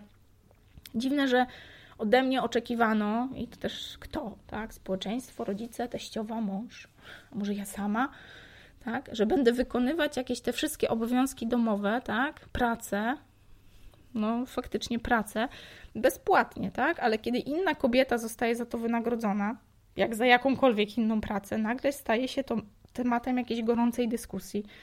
Tak, ale jak to mamy płacić obcej kobiecie? I tu nie wiem, wstaw sobie dowolną liczbę, tam 2, 3, 5, 4 stówy za to, że robi coś, co my możemy za darmo, za drogo, co tak tanio, tak, za godzinę, za konkretną pracę, jak tu się trzeba rozliczać, tak?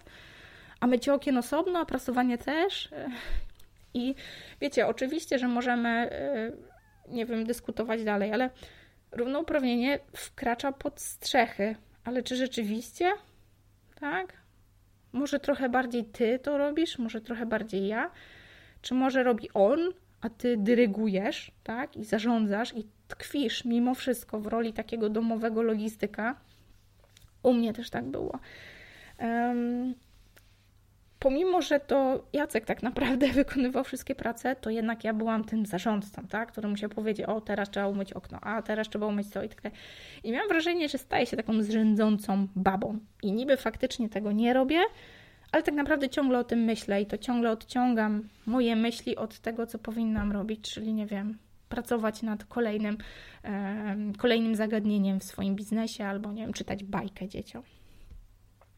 Nie wiem, jeżeli też myślisz, że zatrudniając pomoc domową, to można poczuć się jak, nie wiem, pani na włościach, albo po prostu właśnie taka obawa przed e, taką relacją właśnie bycia taką osobą cię hamuje, to ja cię uspokoję, bo sama karmiona jakimiś legendami dziwnych pań, które narzekały, nie wiem, w Warszawie tak miałam tak, kilka takich snobistycznych koleżanek, które narzekały na ukraińskie gosposie, oskarżając je o, nie wiem, kradzieże kostek masła z lodówki.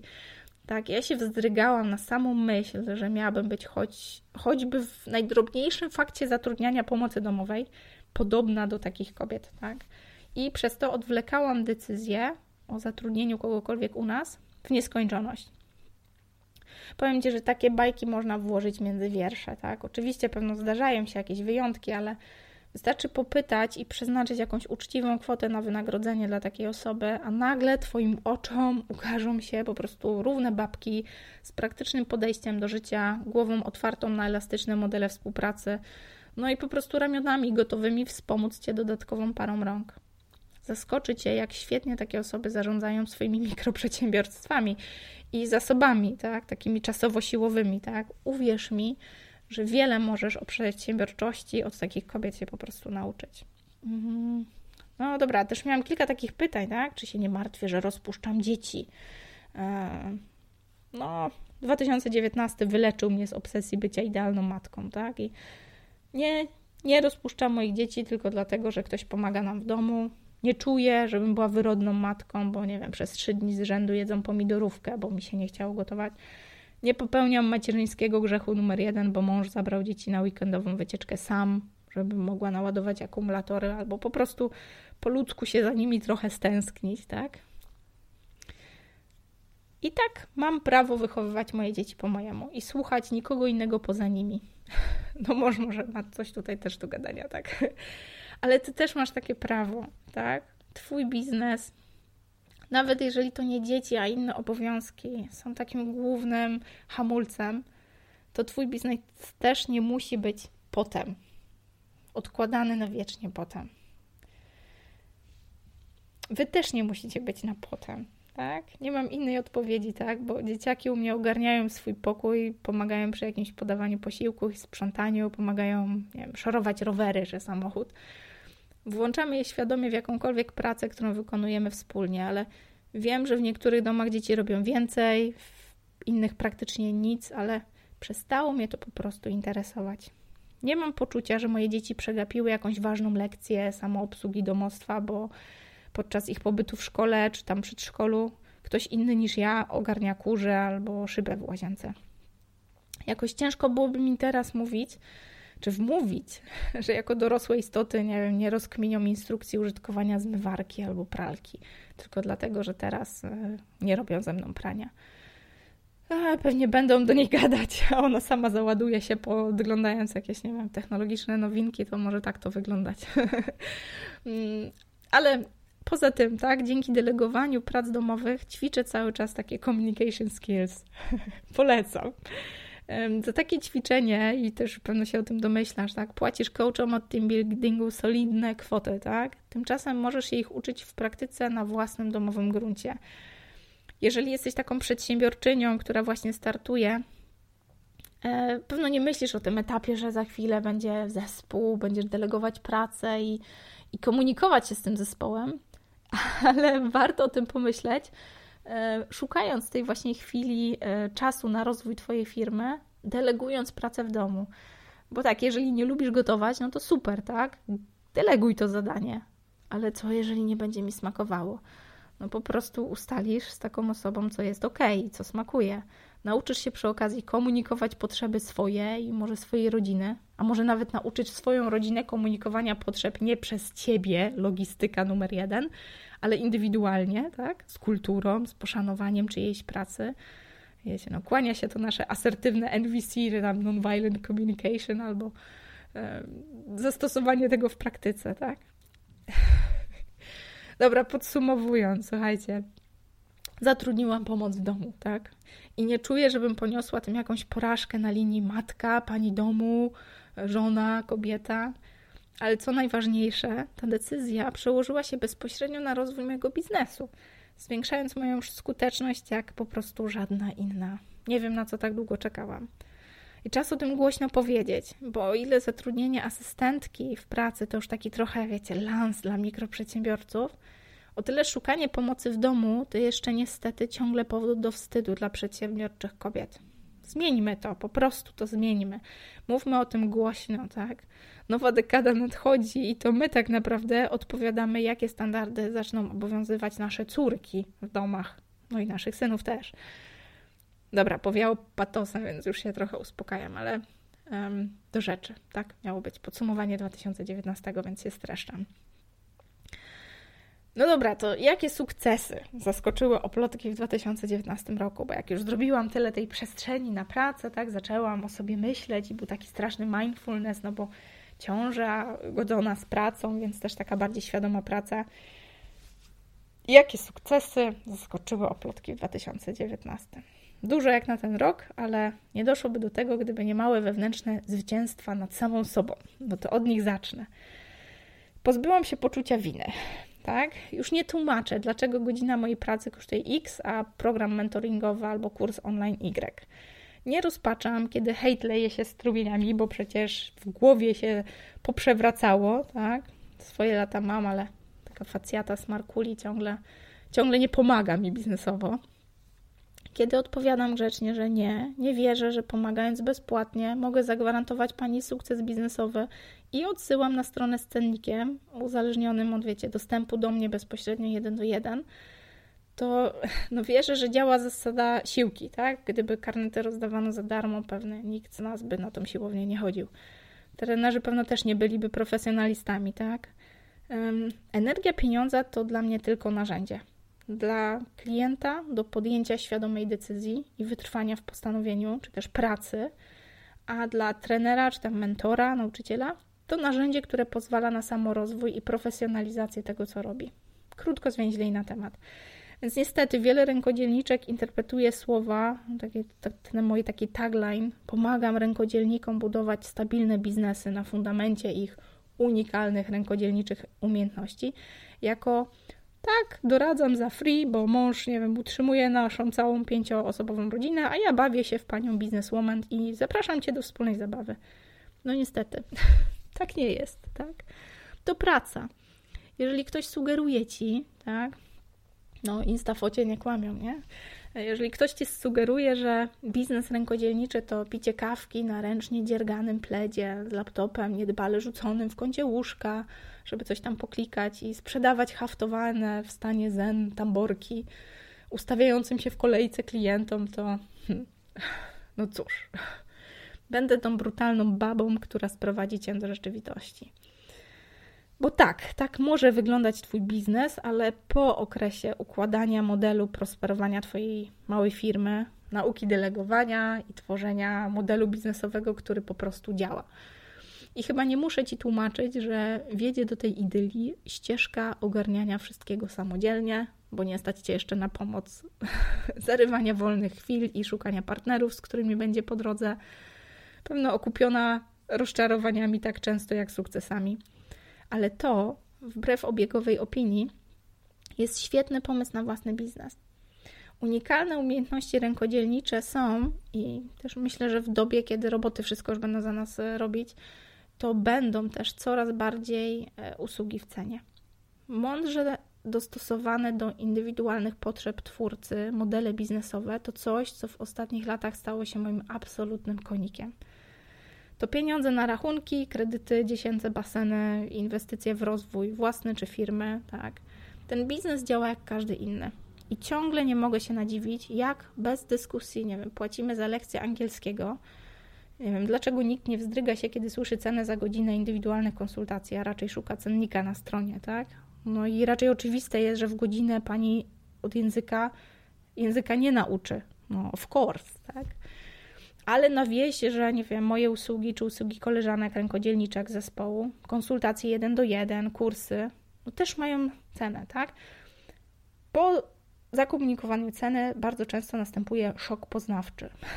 Jeszcze większy szok, kiedy uświadamiam, że Godzinna konsultacja to zaledwie, nie wiem, ustalenie celów biznesowych albo nakreślenie jakiejś strategii działania itd. Tak A jednak samo zbudowanie stabilnej działalności w oparciu o rękodzieło to już regularna praca, która zajmuje czas. To samo z, no nawet z szydełkowaniem czy makramą. Dlaczego ktokolwiek miałby się spodziewać, że od poziomu, jaki, nie wiem, jak ja mam to szydełko złapać, do poziomu dziergam maskotki dla dzieciaków jak oszalała i za chwilę jeszcze je sprzedaję sąsiadkom, prowadzi, nie wiem, jedna godzina szydełkowych korków. Takich klientów nasz zespół niestety odsyła do godzin bezpłatnych treści na YouTubie. Mm, nasze też dodają swoją cegiełkę do tego morza kontentu, ale zdecydowanie z osobami, które chcą wszystko za darmo i na już, no, jesteśmy w stanie pozwolić sobie na ten luksus, że nie chcemy z takimi osobami już pracować. No dobra, nie jesteśmy może jeszcze przyzwyczajeni do czerpania merytorycznej wiedzy z internetu, tak? Chociaż no nie wiem, czy rzeczywiście tak jest, ale lubimy tych speców, wiecie, z dyplomami na ścianie, w nieskazitelnych biurach, tak? Sama dałam się nabrać na tą szopkę, kiedy poszukiwałam zaufanego radcy prawnego, ale to też długa historia, więc nie będę jej tutaj przytaczać. Um, ale od kiedy sama uczę przez internet, stałam się bardziej świadomym klientem, korzystającym z dobrodziejstw, takich dobrodziejstw technologii. Z całą energią pokazuję swoim klientkom, w jaki sposób tą technologię mogą zaprzęgać do pracy w swoich biznesach rękodzielniczych, dając tym samym przestrzeń na twórczy rozwój. Dużo czasu i doświadczenia, i też twardego dubska, tak, potrzeba było, żebym się nauczyła dostrzegać wartość w swojej pracy – co kuriozalne, inkasowanie za pracę jako architekt nie sprawiało mi najmniejszych problemów, bo mam na dowód tego stos dyplomów, wiecie, takich do oprawiania i powieszenia na ścianie w wypucowanym biurze. Mm, lata doświadczenia i świetnie działający ekosystem oplotki, no to jest moje teraz portfolio. Papiery powoli też się pojawiają, tak? No, te dyplomy uznania, wiecie, certyfikaty za zasługę to trochę łechczą ego, choć nie zabiegam o nie tak bardzo jako ży- o takie żywe wizytówki. Tak, takie prężnie działające biznesy moich klientek to są te moje dyplomy, które wcale nie muszą wisieć na ścianach, tylko działają w internetach. No i nie to nie. Powoli uczę się mówić stanowcze nie. Ciebie też do tego zachęcam. Uczę się mówić stanowcze nie toksycznym relacjom, ludziom, ludziom, którzy potrafią na przykład tylko brać znajomym, którzy pojawiają się tylko w okolicy własnych potrzeb. Powoli, ale stanowczo stawiam takie granice i bronię ich jak lwica. W końcu mój zodiak zobowiązuje. I świadomie otaczam się inspirującymi ludźmi, którzy nie pozwalają iść na łatwiznę swoim niezłomnym kręgosłupem zasad i bliskich mi wartości. Odpuszczam ludzi, którzy nie walczą o naszą relację i o wspólny czas. Wiecie, to luksusowe, deficytowe dobro naszych czasów, czas, stało się moim nieodzownym narzędziem weryfikacji, z kim jestem w stanie budować, a z kim drogi splatają się tylko w przelocie. W styczniu odrobiłam lekcję z 2018. Rozpoczęłam rok od urlopu. Szusowałam z mężem w Alpach razem z dzieciakami i najmądrzejsze, co mogłam zrobić, bo tegoroczny prezent świąteczny, czyli nasza trzecia dzidzia, skutecznie odłożyła kolejny wypad narciarsko-snowboardowy, ten z 2020 na potem. Dzięki naładowanym bateriom z wielkim zapasem energii rozpoczęłam tradycyjne programy wsparcia dla rękodzielników, czyli Akademia Rękodzielnika. E, energii wystarczyło również na akcje charytatywne, zaangażowanie się w Wielką Świąteczną e, Orkiestrę Pomocy, czy tam wsparcie dla Fundacji Tęczowy Kocyk. Swoją drogą zachęcam Cię do pochylenia się nad misją tej grupy. To wsparcie dla kobiet, które straciły swoje maleństwa, zanim jeszcze miały szansę zobaczyć e, świat, więc Możecie tam wesprzeć takie osoby nawet rękodziełem. Boże, nie opowiadam więcej, bo zaraz będę połakać. To wsparcie przerodziło się w regularne akcje, które wyros tak trochę wyrosły z potrzeby serca, ale wrosły też w grafik przedstawicielek naszej społeczności. Gdyby nie społeczność oplotki, te działania nie miałyby takiej skali. Wiecie, co ja tam mogę sama, tak? Często kończy się na planach, a życie weryfikuje, czy pomóc się uda. A jednak w grupie nie było odwrotu raz zobligowane, trzeba było dotrzymać i tak dalej. No i też ta pomoc nabierała większego, bardziej regularnego, uporządkowanego wymiaru. Wiosna minęła na inspirujących wydarzeniach kobiecych, tak, Wielkopolski Kongres Kobiet czy Tydzień Silnych Kobiet, uzmysłowił naszej oplotkowej społeczności, że to, co robimy, to już nie tylko rękodzieło. To również inspirowanie kobiecej przedsiębiorczości, wzmacnianie kobiet w takich pierwszych biznesowych krokach, aby nie być gołosłowną, sama coraz częściej zaczynałam mówić o tej misji oplotki poza światem rękodzielniczków czy rękodzielniczek. Moje prelekcje na Poznańskich Dniach Przedsiębiorczości, czy tam Poznańskim Meetupie podcastowym, tak, Podcaster 2019, oscylowały wokół niszy rękodzielniczej, ale jednak w kontekście niedocenianego potencjału tych kobiecych mikroprzedsiębiorstw w marcu wystartowałam do wyborów. Tym newsem jakoś niespecjalnie się dzieliłam. E, jakoś nie potrafiłabym mieszać rękodzieła w swoje prywatne inicjatywy, ale e, co prawda były to wybory lokalne, e, ale jako przewodnicząca zarządu Rady Osiedla działam aktywnie i czuję, że łamię na każdym kroku znowu utarte schematy funkcjonowania skostniałych mechanizmów na rzecz oddolnego wpływu mieszkańców na swoją najbliższą okolicę. Od tego czasu zupełnie inaczej też patrzę na kobiety w wielkiej polityce i chylę czoła. Naprawdę chylę czoła. Ludzie, ta praca to jest. To są takie kompetencje, o których nie miałam pojęcia. Tak? Uczę się ich bardzo powoli, selektywnie też, bo do dyplomatycznych skilli na zadowalającym poziomie też jeszcze mi bardzo daleko. Ale już taka skuteczność, motywowanie sąsiadów do brania spraw w swoje ręce już wychodzi mi trochę lepiej. No, mądrzej brzmi, jak się to nazwa, partycypacją społeczną, tak? Do tego mam jakiś naturalny dar. No ale mam nieodparte wrażenie, że rękodzieło znowu odsłoniło swoje inne oblicze. Odkryłam je na nowo jako narzędzie konsultacji społecznej, wzbudzania dyskusji publicznej na ważne tematy, um, ważne takie lokalnie i też globalnie. Tak? Tym bardziej ochoczo zaangażowałam się we współpracę w ramach projektów społecznych, gdzie te nasze oplotkowe rękodzieło mogło pojawić się w formie warsztatów ogólnodostępnych, yy, dzięki finansowaniu zewnętrznemu, tak? Warsztaty były bezpłatne dla mieszanych grup społecznych, często wiekowych, kulturowych, tak? Znowu otworzyło nas na nowe. Od początku roku aktywnie dzieliłam się też źródłami swojej wiedzy, tej motywacji, tak? Dzieliłam się tym swoim środowiskiem osobistego wzrostu. Jako ambasadorka programu SOMBA cierpliwie pomagałam w onboardingu nowych osób w programie. A właśnie sobie zdałam sprawę, że robię studia biznesu online, na które nie oczekuję papieru. No bo wiecie, tego dyplomu nie zawieszę na ścianie. Taka ironia. Aktywnie informowałam o krótkich momentach, kiedy rekrutacja do tego programu była otwarta. po prostu drzwi są otwarte około tygodnia, tam raz, dwa razy, czasami trzy razy w roku. jest taka rekrutacja. E, swoją drogą, jeżeli potrzebujesz takich informacji, to też do mnie śmiało pisz. Ja mam taką specjalną listę osób, które informuję o tym i pomagam. Tegoroczny urlop e, letni spędziłam z rodziną w Chorwacji, ale tym razem nie to, nietypowo, tak? Przesto, przetestowałam w praktyce ideę workation tak? i polecam, w sumie polecam.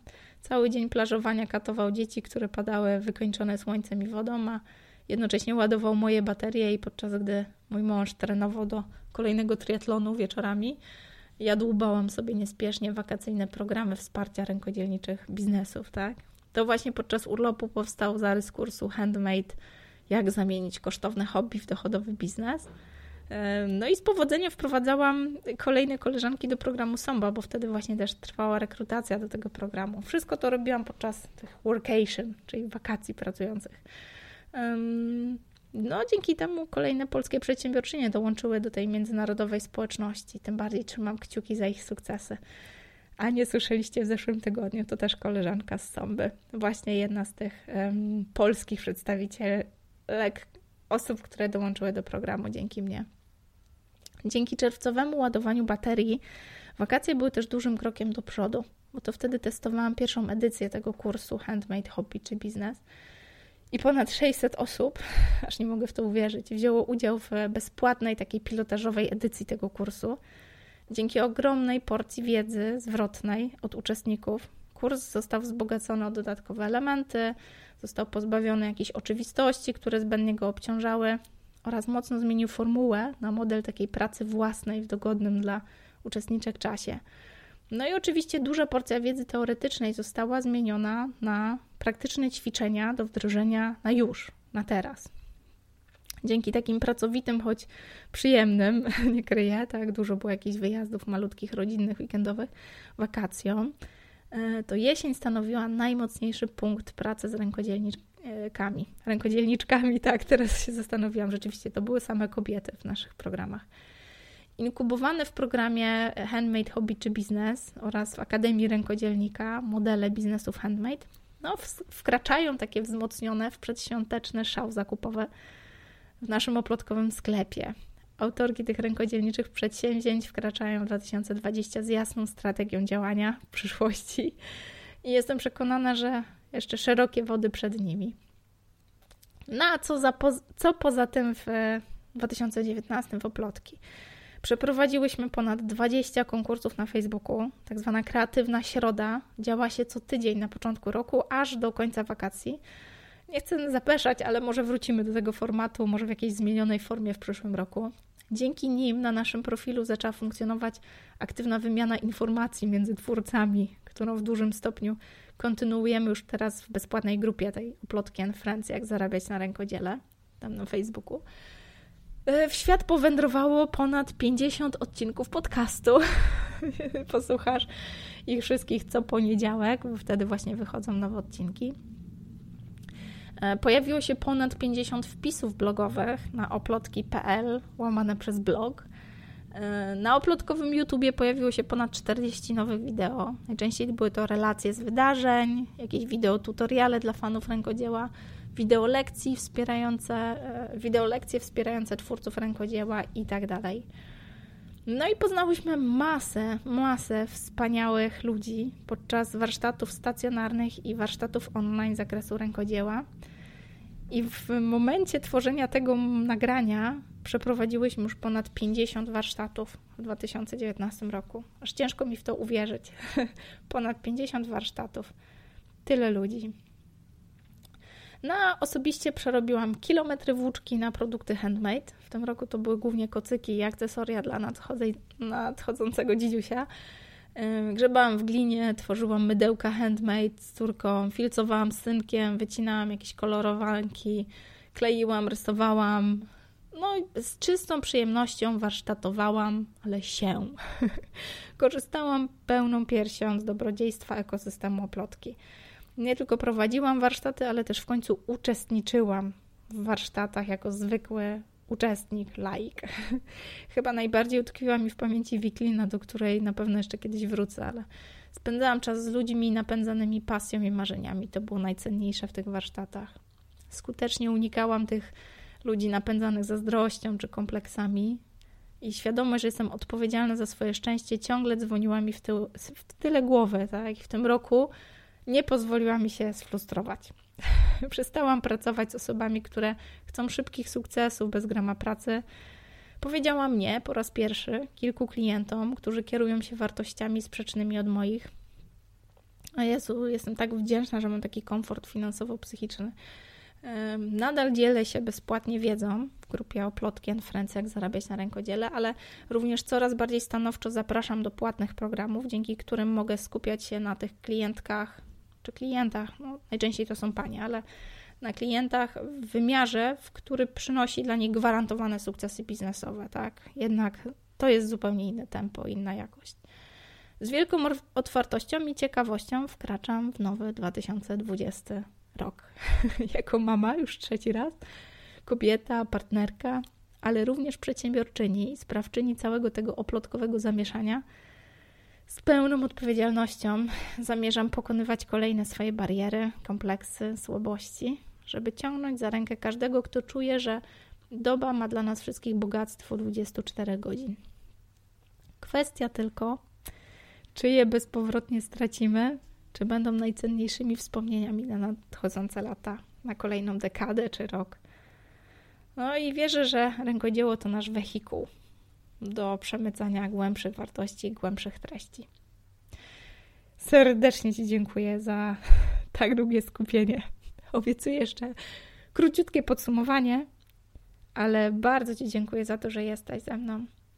Śmiało podziel się tym odcinkiem, jeżeli czujesz, że jakakolwiek część z tego, o czym mówiłam w tym odcinku, może komukolwiek pomóc otworzyć się na nowe, zmienić sposób myślenia, skłonić do jakiejkolwiek refleksji na tą nową, nadchodzącą dekadę 2020.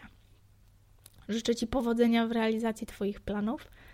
Jedno, co mogę obiecać, że tutaj w oplotkowym podcaście będziemy się spotykać tradycyjnie co tydzień. Do usłyszenia w kolejnym odcinku. Pewno się domyślasz, że nie opowiadam ci tego wszystkiego totalnie z głowy. Oczywiście przygotowałam sobie tekst, żeby niczego nie urodzić, bo 10 lat w pigułce to jednak duże wyzwanie, żeby o tym wszystkim opowiedzieć. Stwierdziłam, że wykorzystam ten tekst i okraszę go grafikami, rysunkami, wspomnieniami. To była prawdziwa przygoda, przeszukiwanie czeluści komórki czy dysku w poszukiwaniu zdjęć sprzed 10 lat. Niektóre z nich umieściłam w artykule. Jeżeli masz ochotę mm, zobaczyć tą treść, przeczytać tą treść, albo po prostu zobaczyć ilustracje, które dołączyłam do tej dekady, zapraszam Cię na oplotkowego bloga. Tam e, tekst, który podsumowuje dokładnie to, o czym mówię w dzisiejszym odcinku.